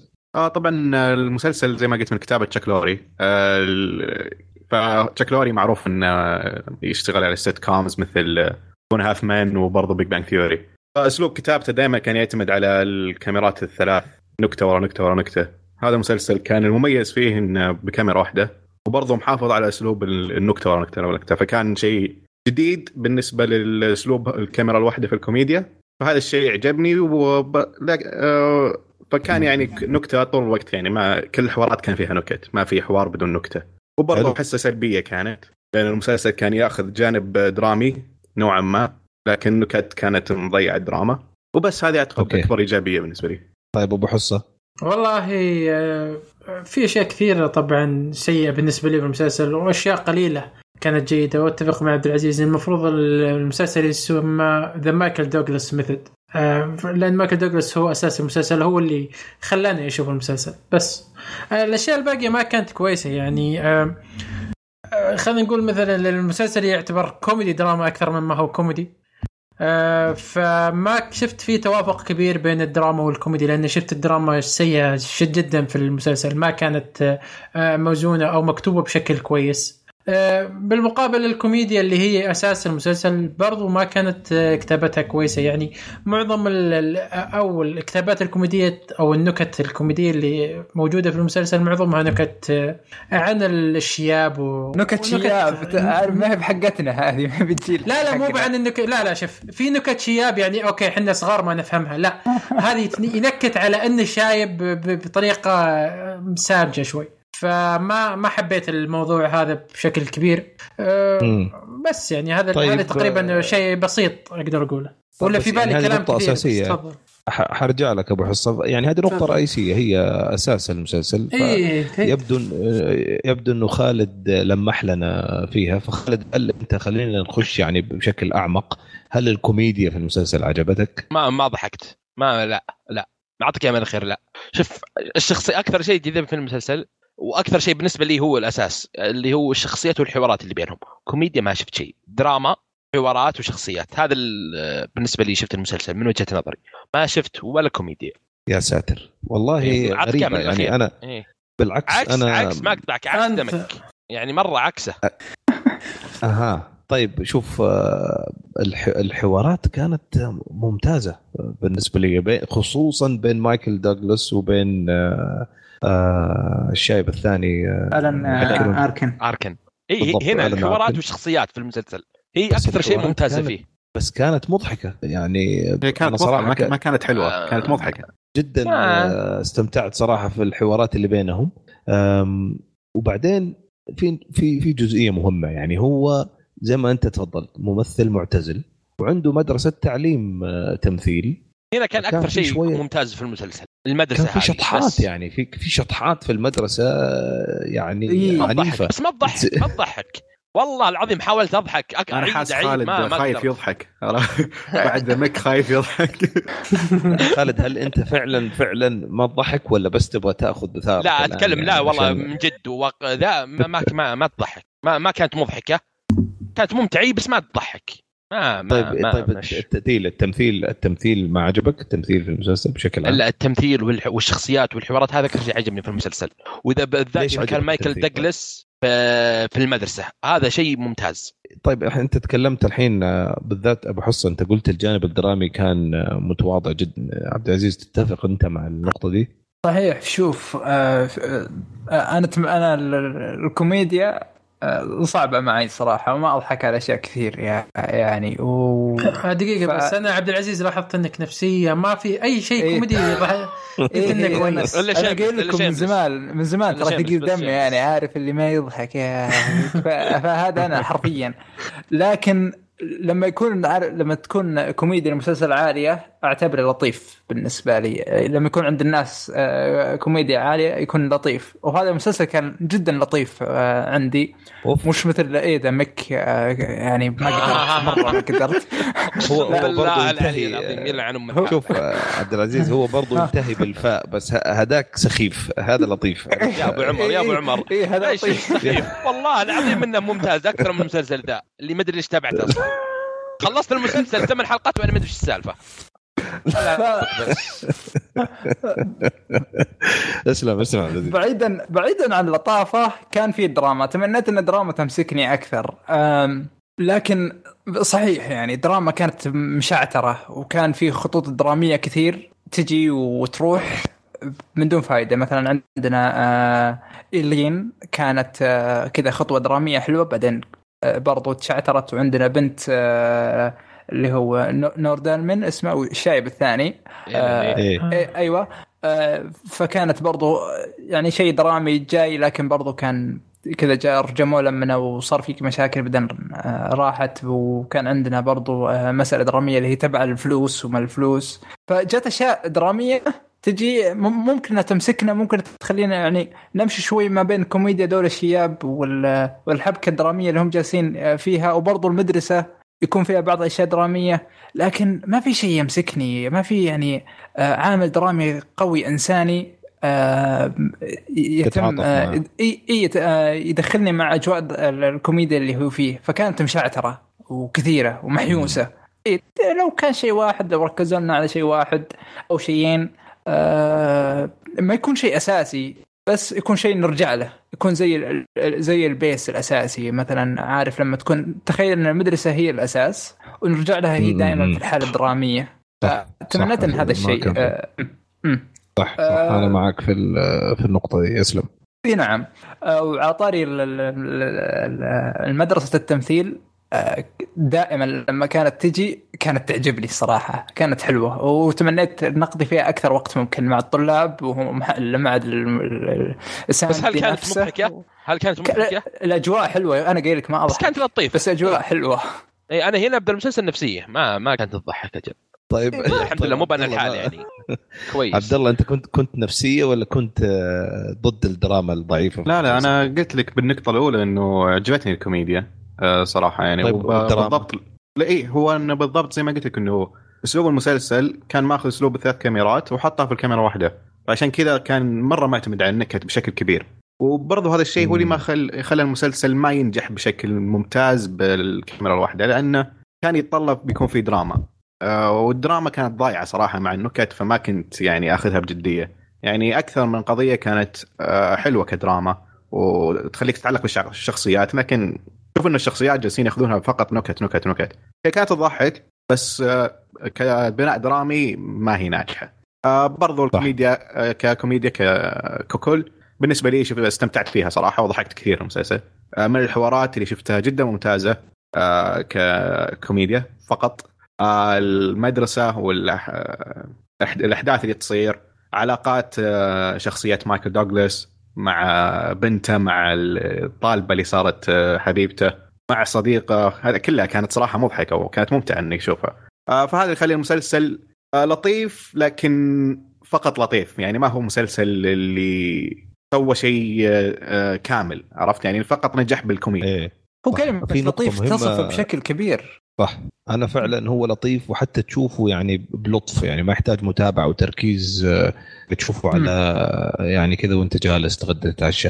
آه، لكن لكن ال- الكتابة ترى كتابه في في ال- في الحوارات خصوصا بين الاثنين هذول ما كانت سهلة على فكرة. كانت مكتوبة بشكل ممتاز وكمية الدقدقة في السياسة والدق في ال في ال في في المجتمع الأمريكي لما يوصل لهذا العمر وكانت ممتازة ومحبوكة وموجهة آه، كانت صراحة ممتعة لو خصوصا قاعد تسمع وتركز وأنت عارف إيش يعني إيش الفكر الأمريكي في صح. السن هذا بالذات آه، صح شيء مرة مميز. مميز في الحوارات كان بالضبط بس ميزها ككوميديا ما ميزها كشكل درامي يعني ما صحيح. كانت أبداً. يعني شوف الدراما تحسها المفروض إنها تكون واقعية عرفت هذا. كانت المشكلة. بالنسبة لي كدراميا إن الحوارات ما كانت واقعية فعلا.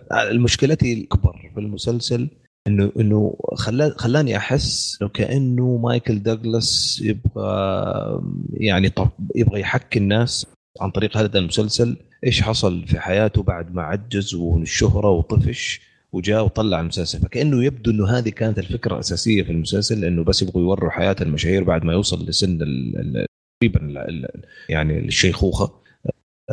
وكيف كان يكون. يبدو إنه هذه كانت فكرة المسلسل وأنا أشوفه ضعف إنه تظهر لي ال- ال- ال- الفكرة اللي خلتهم يفكروا في المسلسل بدل ما استوعب في أحداث المسلسل نفسه. هذه كانت بالنسبة لي أك... يعني أكبر مشكلة. آه، بس أجيك أبو حصة يعني إيش السلبيات؟ أنت قلت في سلبيات كثير يعني أزعجتك في المسلسل. والله شوف آه، الشباب والله قالوا السلبيات اللي كانت في رأسي كثير لكن آه، مثل ما قلت في بعض ال- ال- الحوارات ال- أو النكت ال- الشياب هذه كانت تزعجني كثير وأكثر شيء أكثر شيء أزعجني بشكل كبير جدا هو تمثيل الين آركن الله أكبر آه، عليك. اتفق الله أكبر. عليك الله أكبر عليك يا أبو حسن الين آركن آه، ممثل جيد لكن في نظري لو جايبين حسن حسني ممكن يمثل دور أفضل منه تحس ما له خلق صح؟ جدا جدا يا أخي تمثيله شخصيته. سيء. مرة لا لا عكس لا, لا, عكس مايكل لا لا دوغلاس. لا لا لا لا لا ب- أبو خلود مي بهذه شخصيته. لا. okay إحنا عارفين الشخصية هو ما أعطاني لا إحساس لا تعابير أحس إنه كذا أصلا جاي حتى حتى النكت اللي يقولها أه، أحس إنه جس جاي يلقيها بس. عكس مايكل دوغلاس اللي معطي أداء رهيب في المسلسل. آه على طاري. آه سمعت مقابلة مايكل دوغلاس يتكلم آه، سأل المذيع وش رأيك. تشتغل مع ماركر كيف كان؟ سكت ما قال شيء. شكله كان نفسية مرة. هي لا لا صراحة اللي شفناه في المسلسل شيء سيء جدا جدا. آه، فهذه كانت نقطة سيئة. وممثل وعبد الله ذكر نقطة رهيبة جدا جدا. يعني المسلسل واقعي وجدي فالحوارات كانت كوميدية بشكل غبي. آه، وأقرب أقرب مثال لهذا اللي يتكلم عنه عبد الله هو الحوار بين الدكتور ومايكل دوغلاس. آه، هذا ما كان حوار بين دكتور وشخص عادي.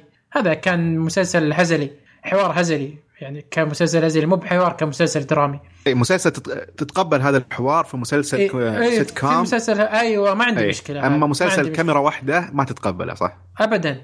آه، ثاني شيء آه، فيه شخصيات كنت أتمناها تظهر أكثر وتعطيني شيء كبير مثل بنت آه، ألان أركن كانت آه، معطية جو رهيب للكوميديا مرة رهيب.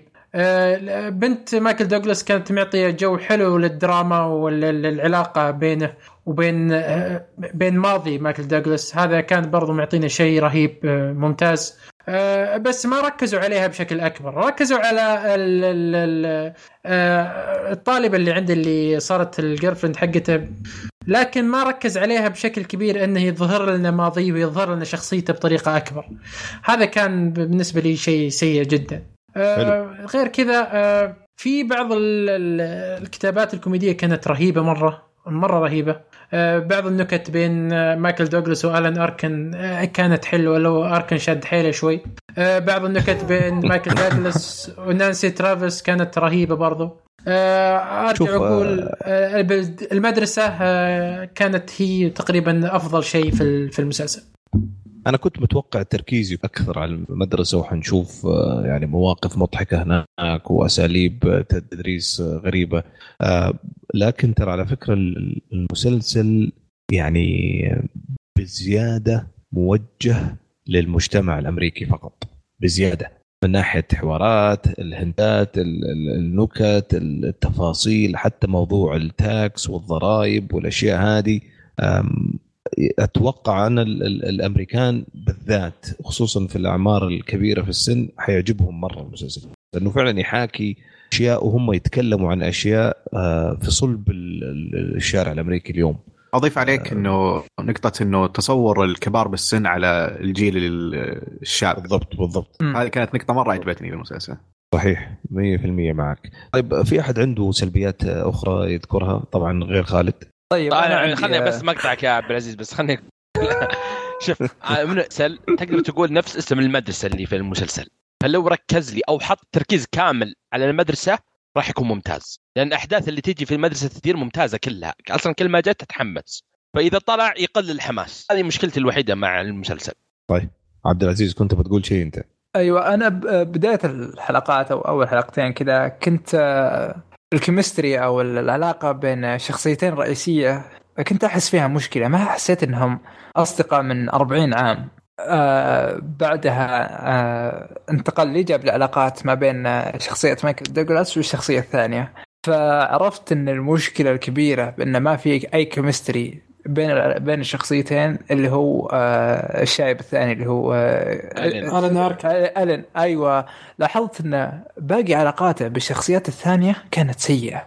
ما كان يحسسني بأي علاقة ما كان يحسسني بأي chemistry فهو مركز مركز رئيسي بال بس ترى على فكرة بالمسلسل. هذا هذا شيء شيء شيء متعمد لأن لأنه هو هو إيش؟ هو أصلا agent أنا أتفق معكم مم. حسين صراحة الفكرة العامة لل agent إنه يكونوا منبوذين ترى يكونوا منبوذين حتى يكون- شوف يكونوا علاقته مع. زوجته مختلفة بالضبط بالضبط يكونوا منبوذين مؤمنين إنه هو أصلا ما ما حد يبغاه ما حد عشان كذا تشوف شخصيته في المسلسل. كريهة على فكرة لا أنا ما شفته أنا كريه النقطة دي كثير ما شفته ما أدري بس. أنا أختلف معاكم تماما على فكرة أنا شفت آه، آلن تقمص اللي مطلوب من الشخصية.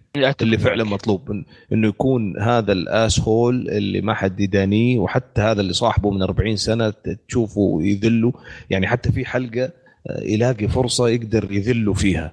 فتحسه هنا يبغى يسوي فيها طيب بس هو ما هو طيب أصلا. هو نوا- نواياه أصلا غثيثة وسيئة وضحكتني هذه الفكرة أصلا. لا لأنه هذا الواقع عن أو المتداول أو اللي معروف عن الايجنتس اللي يكون وكلاء الأعمال. إنه يلهفوك إنه يضحكوا عليك أو يمشوك ودائما مصلحتهم قبل كل شيء. وهو وصل لمرحلة من العمر يعني حتى شفنا المقطع لما لما يجي يوم يرجع الشركة. ما أنت عارف هم فرحانين ولا أصلا ما صدقوا على الله عنده حادث صار له ما يبغوا يجي. آه، فهذا جزء من الشخصية المفروض كيف كيف تكون على فكرة. أنا أنا حسيتها كذا صراحة و... شوف أنا أشوفها معك يعني- لكني برضو أتفق مع أبو حصة إنه في مشاهد حسيت إنه كان ثابت على هذه الشخصية وهو المفروض إنه يكون بشكل مختلف يعني. بزيادة. عشان كذا حسيت إنه تمثيله ما كان ما كان مرة شاد حيله فيه صراحة. آه. لكن برضو إي شخصيته كانت تعتمد إنه يكون آه، يفصل نفسه عن العلاقات يعني. طيب حلو. طيب. آه، آه، برضو في في نكتة كرروها كثير الصراحة كانت بس. مزعجة. إي لا لا في نكتة تكررت في في كذا نكتة تكررت ولكن خصوصا هذه النكتة جلست معنا أعتقد ثلاثة حلقات أو أربعة إذا ما كان مسلسل كامل. آه، وكانت مزعجة الصراحه وش هي؟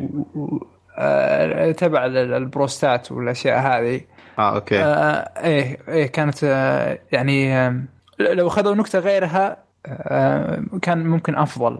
آه لو كانوا يبغون يخلونها مين العزيز. نكتة الصراحه أنا برضو أختلف يعني. كانت كانت رهيبة لأن أنت أنا برضو أختلف. كانت رهيبة. على التكرار هذا كله كانت رهيبة. أيوه أنا اتفق أيوه مع عبد العزيز لو لو, لا. لو وصلت العمر مرة هذاك بس. لو صدقني لو تجلس مع شياب انت الآن. حتى في مجتمعنا إحنا فاهم؟ لو تجلس ولا تطلع معهم طلعت برا أربع خمس أيام ترى حيكون هو نفس الموضوع واحد. هو نفسه. يتكلموا فيه من زوايا مختلفة ويجيبوا لك علاجات وأشياء عجيبة من. والله it's very true على فكرة. يعني فأنا بالعكس أنا شفتها في الصميم طيب. خصوصا لما ما لما. غير هذا؟ بس يعني واقع فعلا واقعي. يعني في العمر هذاك ترى واقعي. أنا هذا اللي استشفيته و- وصراحة ترى هو كان يتكلم في كل حلقة كانت مختلفة. يعني الحلقة الأولى كان خايف الحلقة الثانية كانت عن بدون ما أحرق يعني بس بعدين بعدين بعدين ثاني. هو هو ح... لا، هو حاول يخبي الموضوع. هم اللي فضحوا أمه يعني. إيش يعني حتى الطلاب يعني من غير حرق بس إنه بالعكس أنا شفتها جزئية فعلا مشكلة رئيسية في حياة ال- الناس في العمر ده يعني. لا أنا مع في في صراحة في يمكن لقطة أو لقطتين زودوها شوي حبتين بس. إيه أنا أنا صراحة ولا الباقي كان ممتاز. ولا في كذا العزيز، لقطتين زودوها شوي. ترى. إي إي لا لا، المفروض ما أجي معكم بالحلقات الكوميدية أنا زمان قايل هالشيء. أصلا أصلا كلكم نفسيات ما يصلح نسوي مسلسل آه، كوميدي. قلت عليك. شيء والله العظيم. شوف الحين في النهاية بينصحون كلهم في المسلسل. ذا طيب خلينا نبدأ فيك. نبدأ فيك طب خالد لا تنصح خليني آخر واحد مسلسل؟ خليني آخر واحد خليني آخر طيب واحد. أبدأ فيك أبو حصة. تنصح مسلسل ولا ما تنصح فيه؟ والله عادي يعني. مو مو هو بإني أنصح ولا إذا شفت الشيء عادي وإذا ما شفته ما راح يفوتك شيء. ف نصيحتي whatever يعني. تبي تشوفه شوفه ما تبي تشوفه ترى ما راح يفوتك شيء. طيب ه- هذا هذا الرد اللي يعني مرتب نفسية. هذا يعني مو نفسية صدفة لا كان مرتب انه نفسيه هذا على الأقل كانها قالها سفل فيه طيب آه عبد الله. آه أنا أنصح فيه بشدة للي يحبون ال sitcoms اللي زي ما قلت لهم. أو لأي أحد ثاني ما يعني عادي مع sitcoms أشوفه المسلسل لطيف مرة. آه لا يتوقع منه شيء درامي آه، بشكل كبير عشان ما يكون سلبيه له. آه بس ككوميديا هو. كان ممتاز بالنسبة لي. ف yeah هذه نصيحتي. جميل. آه عزوز. والله آه، إذا أنت مقبل على عالم الشيخوخه فممكن تأخذ آه، شو يسمونه؟ بد- كذا يعني حصة علميه ها؟ بسيطة. إيه إيه. من واقع آه، الحياة المأساوي ها؟ لا أنا أقول لك هو أعتقد لطيف وكلمة لطيف يعني باني أعتقد إني راح أنصح فيه. دقيقة بس آه، بالنسبة للمستمعين وش من من من أكبر عمر ممكن انه يشوف هذا؟ في أحد عند مستمعينا فوق ال 40 مثلا؟ فوق ال 50 يكتب لنا في التعليقات إذا ممكن. صح. تفضل. خلينا نعرف آه صراحة أنا أنا مهتم أعرف. صح طاري الناس الأعمار. ما أعتقد إن الصغار بيعجبهم يعني. أقل أبداً. من 20 ما إيه. أتوقع بيعجب ابدا. إيه، م- تشوف أبو حسين مرة مرة مرة خاق على المسلسل. أنا ما تشوفني متفل فيه. أنا عمري 14 لكن- بما إنه خالد آخر واحد حيتكلم أنا صراحة برضو أتفق مع الشباب لطيف.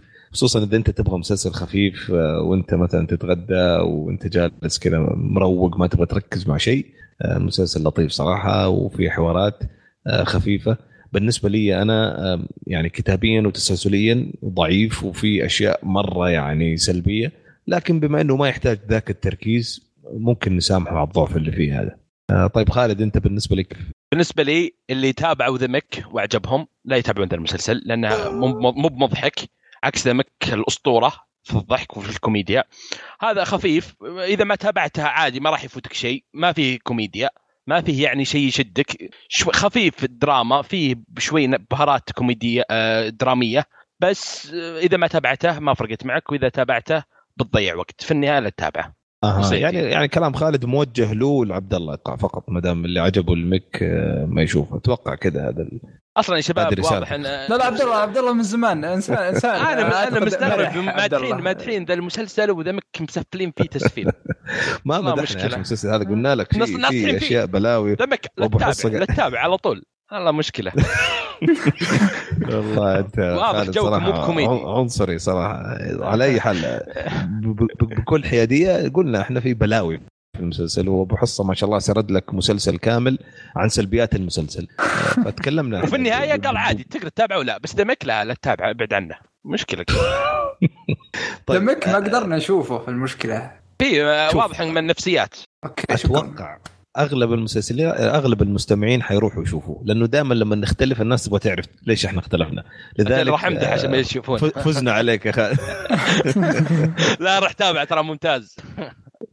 ماشي يعطيكم ألف عافية شباب. هذا كان مسلسلنا اليوم The Kominsky Method يبقى معانا آه، فقرة أخيرة خفيفة لطيفة. أعطيك فيها المايك آه، يا أبو حصة تذكر لنا بعض الأشياء اللي نبغى نرد عليها. آه حلو. آه والله نشكركم شكر جدا جدا جميل لأن صراحة جانا تعليقات جميلة في الحلقة اللي فاتت. فراح نقرأ ال- الأهم منها في الموقع اولا وبعدين نروح للتويتر مع إن التويتر ما أتوقع إن في تعليق يحتاج لرد آه لكن في الموقع آه أول تعليق جانا من آه خالد زرعوني من الأفلام.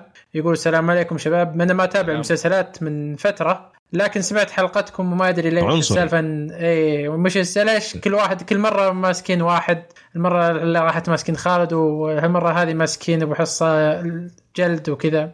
وهذه الحلقة ماسكيني أنا بعد. شفت كيف؟ لا لا لا. أنا بس برد. خالد زرعوني أنت عارفني. كيف كيف يكون ردي؟ على طول بالهزيمة.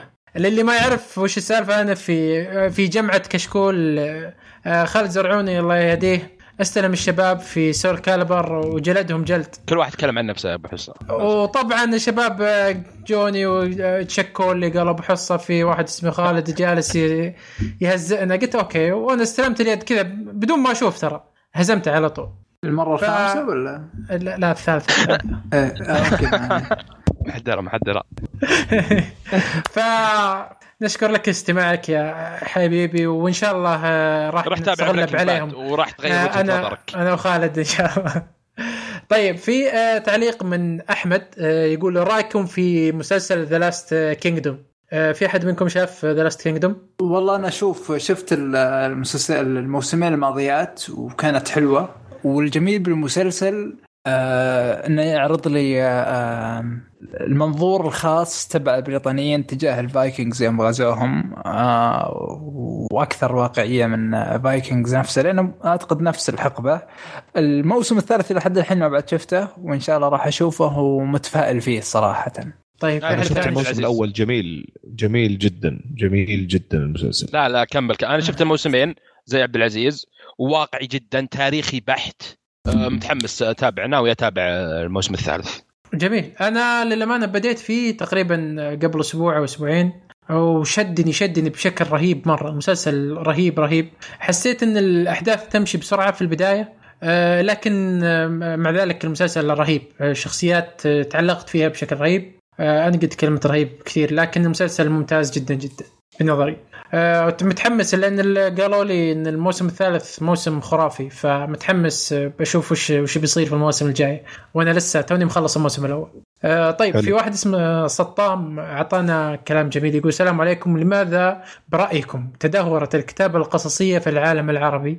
مما أنتج قصص غير واقعية وشخصيات ذات طابع سطحي وتفتقر للمصداقية. سؤال جميل جدا جدا. آه طيب آه، أبو عابد آه، عطني رأيك.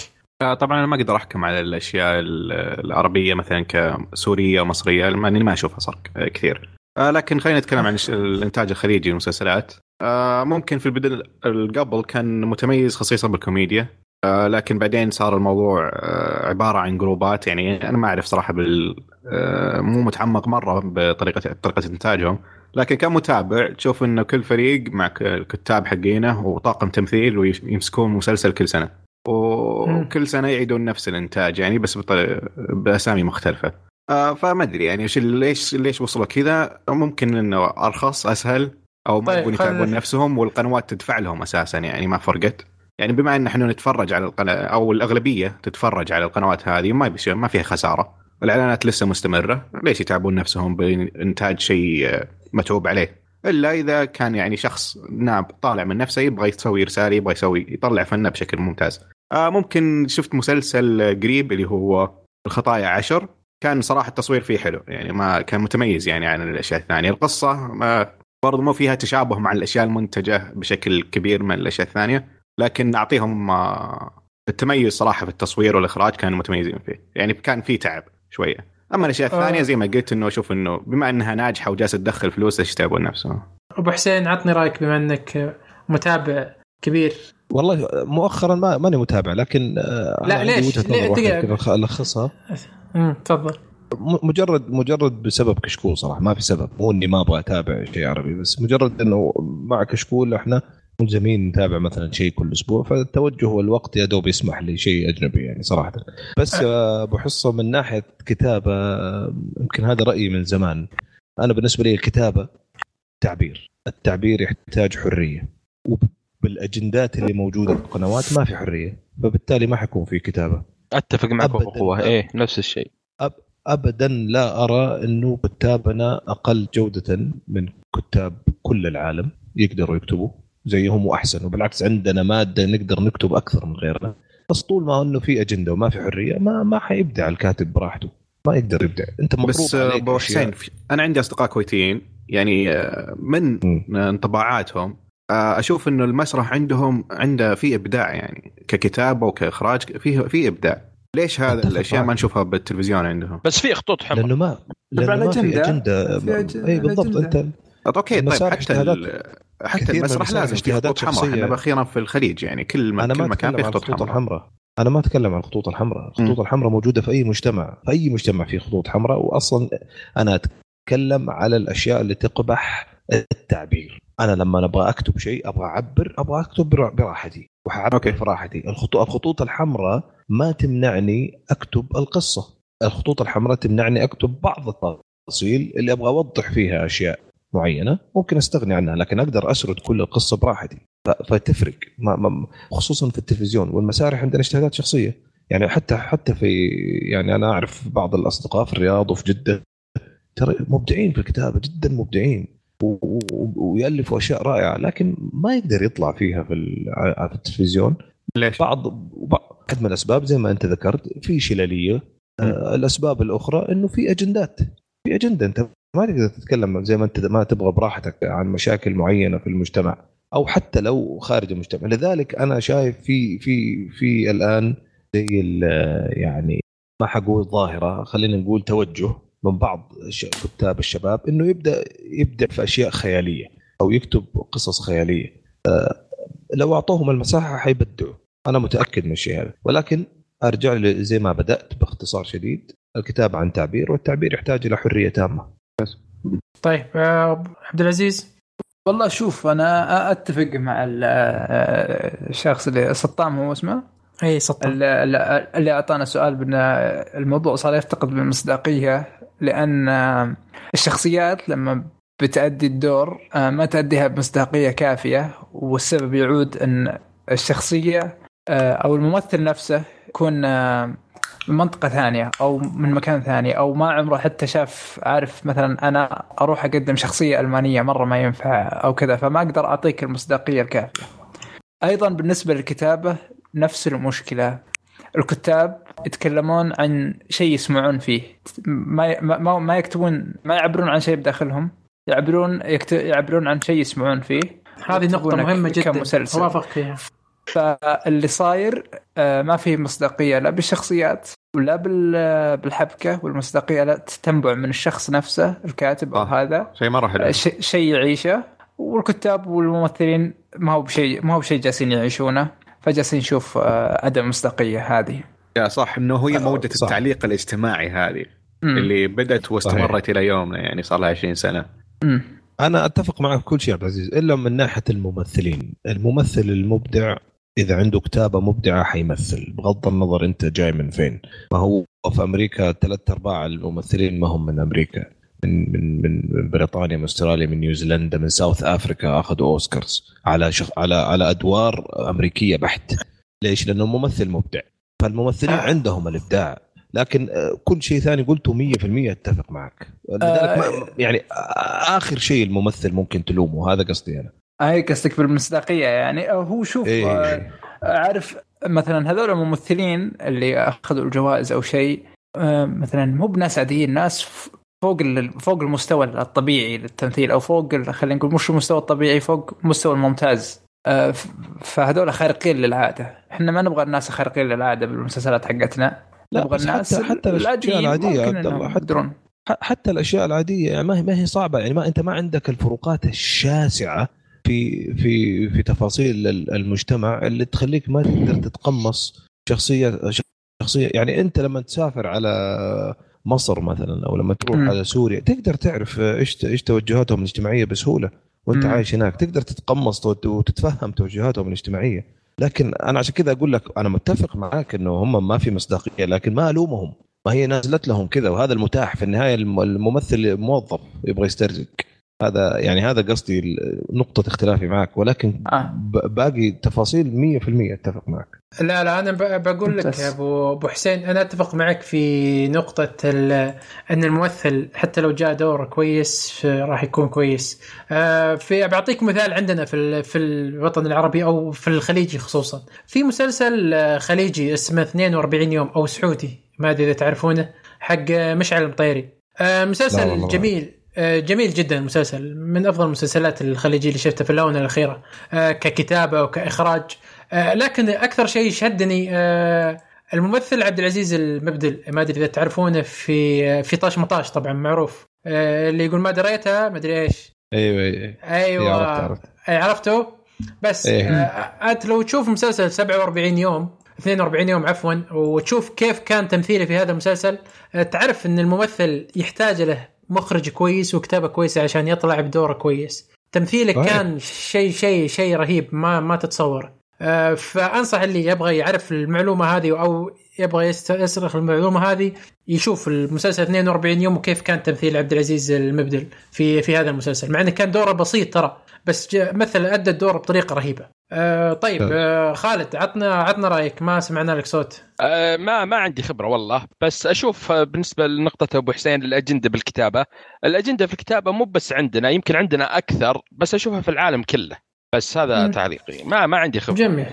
آه أنا بالنسبة لي آه، الكتابة في الوطن العربي شف تعتمد ترى الوطن العربي مقسم طبعا أقسام كثيرة. آه، فخلنا نتكلم عن الأشياء المهمة اللي هي الخليجي والسوري والمصري. الأشياء هذه اللي ماخذها اكبر حيز تقريبا من الإعلام. فعندنا في الخليج آه، مثل ما ذكر عبد الله مثل ما ذكرنا قبل آه، في بعض المنتجين ماخذين لهم قنوات معينة وما راح يتعبون كثير في الكتابة. آه، فهذا هذا أحد الأسباب. ثاني شيء بالنسبة لل... للكويتيين عندهم عندهم شيء شيء رهيب الكويتيين.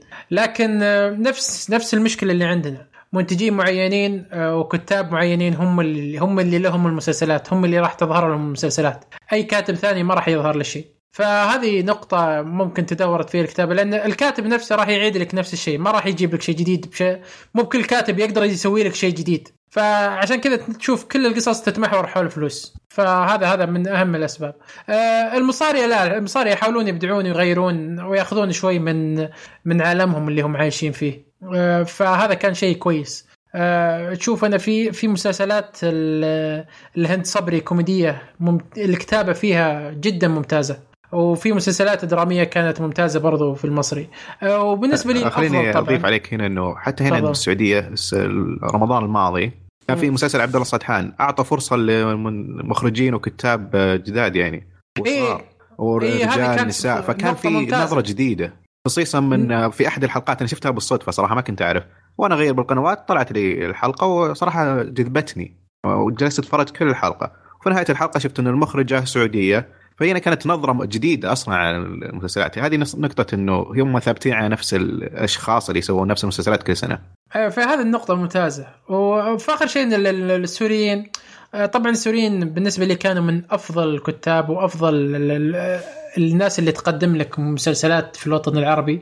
لكن طبعا من الأحداث اللي صارت لهم قريب آه، خف إنتاجهم الدرامي بشكل كبير وخفت جميع الإنتاجات اللي عندهم.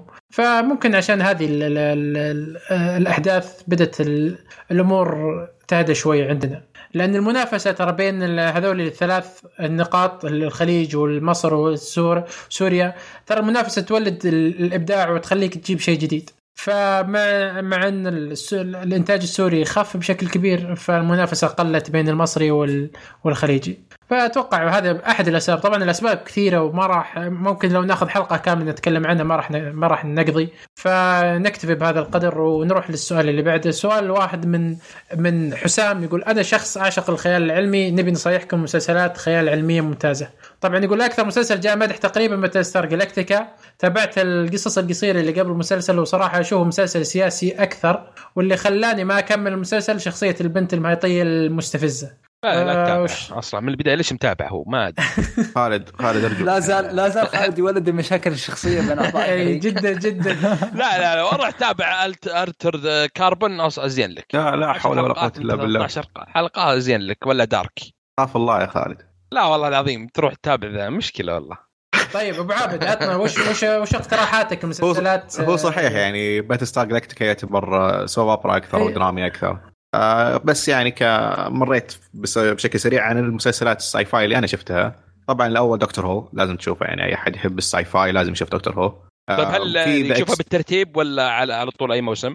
آه يشوفه من 2005 آه إذا ما عجبه ال CG إذا ما, ما ارتاح ينقز موسم واحد. لأن القصة في الدكتور العاشر مرة ممتازة. وحلوة الحلقات حقته. آه لكن الموسم الأول يا ممكن إنه ما يعجبه على حسب الشخص بس أنا شخصيا عجبتني من البداية.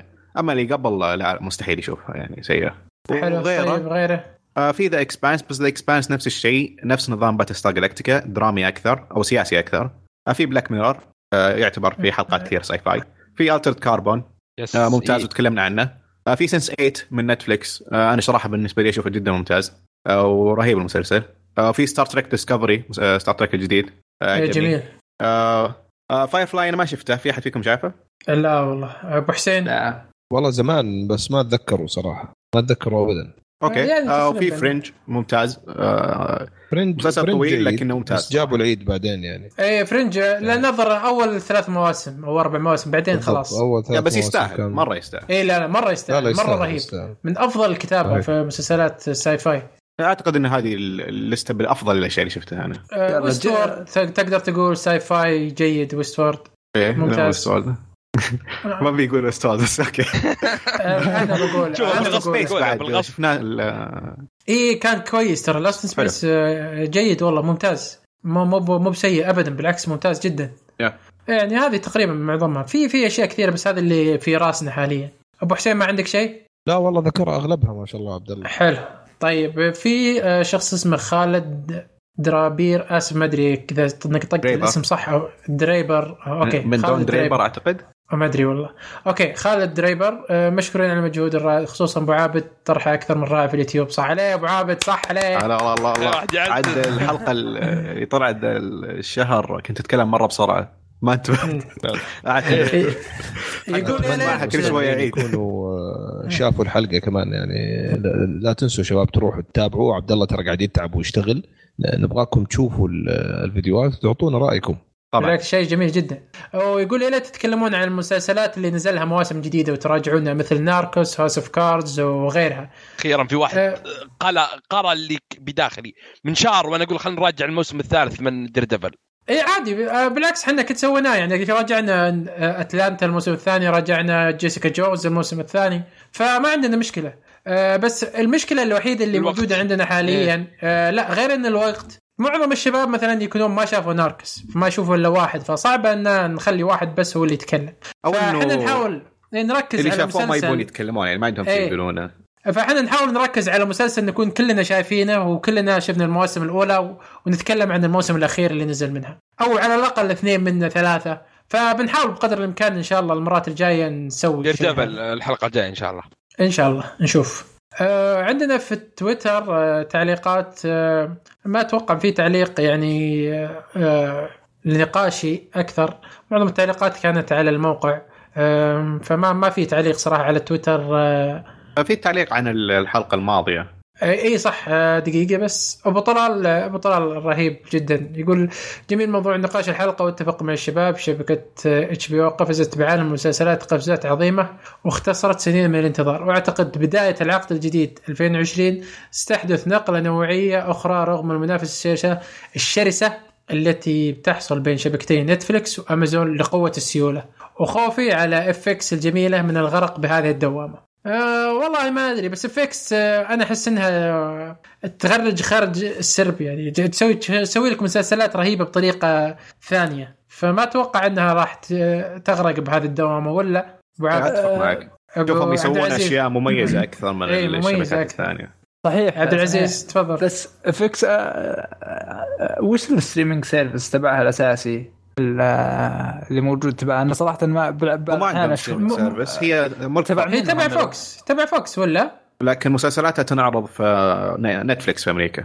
اي بعض الأحيان مسلسلات ألقاها كذا مشعتره بعض بعض الأحيان تلقاها ب- بنتفليكس بعض الأحيان تلقاها بقنوات أو streaming service مختلف. فما أدري وش الأساس حق امازون برضو موجودة. امازون اي فما أدري وش إيه. الأساس حقهم. ممكن الدوامه اللي هو تبع دوامه streaming services وتبع مين وش اللي صاير على FX بس انتاجات بس وين نروح وين نتابعكم فيه؟ هذه خلهم كذا. أحسن. ينشرونها في كل آه، مكان بالعكس أحسن. آه، كذا أحسن. هي أنا أشوفها نعم. كذا أحسن. كان بالنسبة لنا إحنا كمشاهدين آه، كذا أحسن. okay. آه، عندك خيارات اللي تناسبك في كل ال- على الأقل آه. مو مثل Hulu جالسين يحرجون أنفسهم مثل ما ذكرنا بالحلقة الماضية. okay. طيب آه، هذا هذا هذه كانت آه، جميع التعليقات يا أبو حسين. يعطيك الف ألف عافية أبو حصة ويعطيك العافية بس آه، للتنويه يعني اللي بيكتب. تعليق طويل يفضل انه. يكون في الموقع. عشان نقدر نناقشه بشكل أفضل. يعني تويتر ما راح نرد عليه لأن أغلبها نرد عليها في في تويتر نفسه. بالضبط. وبعدين آه، إحنا ما تتصوروا لاي درجه نستمتع في كل تعليق ونقرأ بالتفصيل وأحيانا نقرأ أكثر من مرة وأحيانا نسولف عن تعليق بالواتساب فترى تفرحونا يعني بكل تعليق. فلا تبخلوا علينا الله يعطيكم العافية. شكرا عبد العزيز شكرا عبد الله شكرا أبو حصة. وشكرا لك يا خالد إنك تعاطفت. معنا الحلقة هذه يعني وما كنت قاسي علينا. يعطيكم. ألف عافية شباب. آه، الله يعافيك. كانت حلقة جميلة. هذه حلقة 165 من 156 عفوا من بودكاست كشكول. لا 65 إن شاء صح. عليك. هي الأول. 65 65 هذه حلقة 165 تسمعون إن شاء الله في حلقة 66 آه، ال- ال- المرة القادمة. يعطيكم ألف عافية شباب.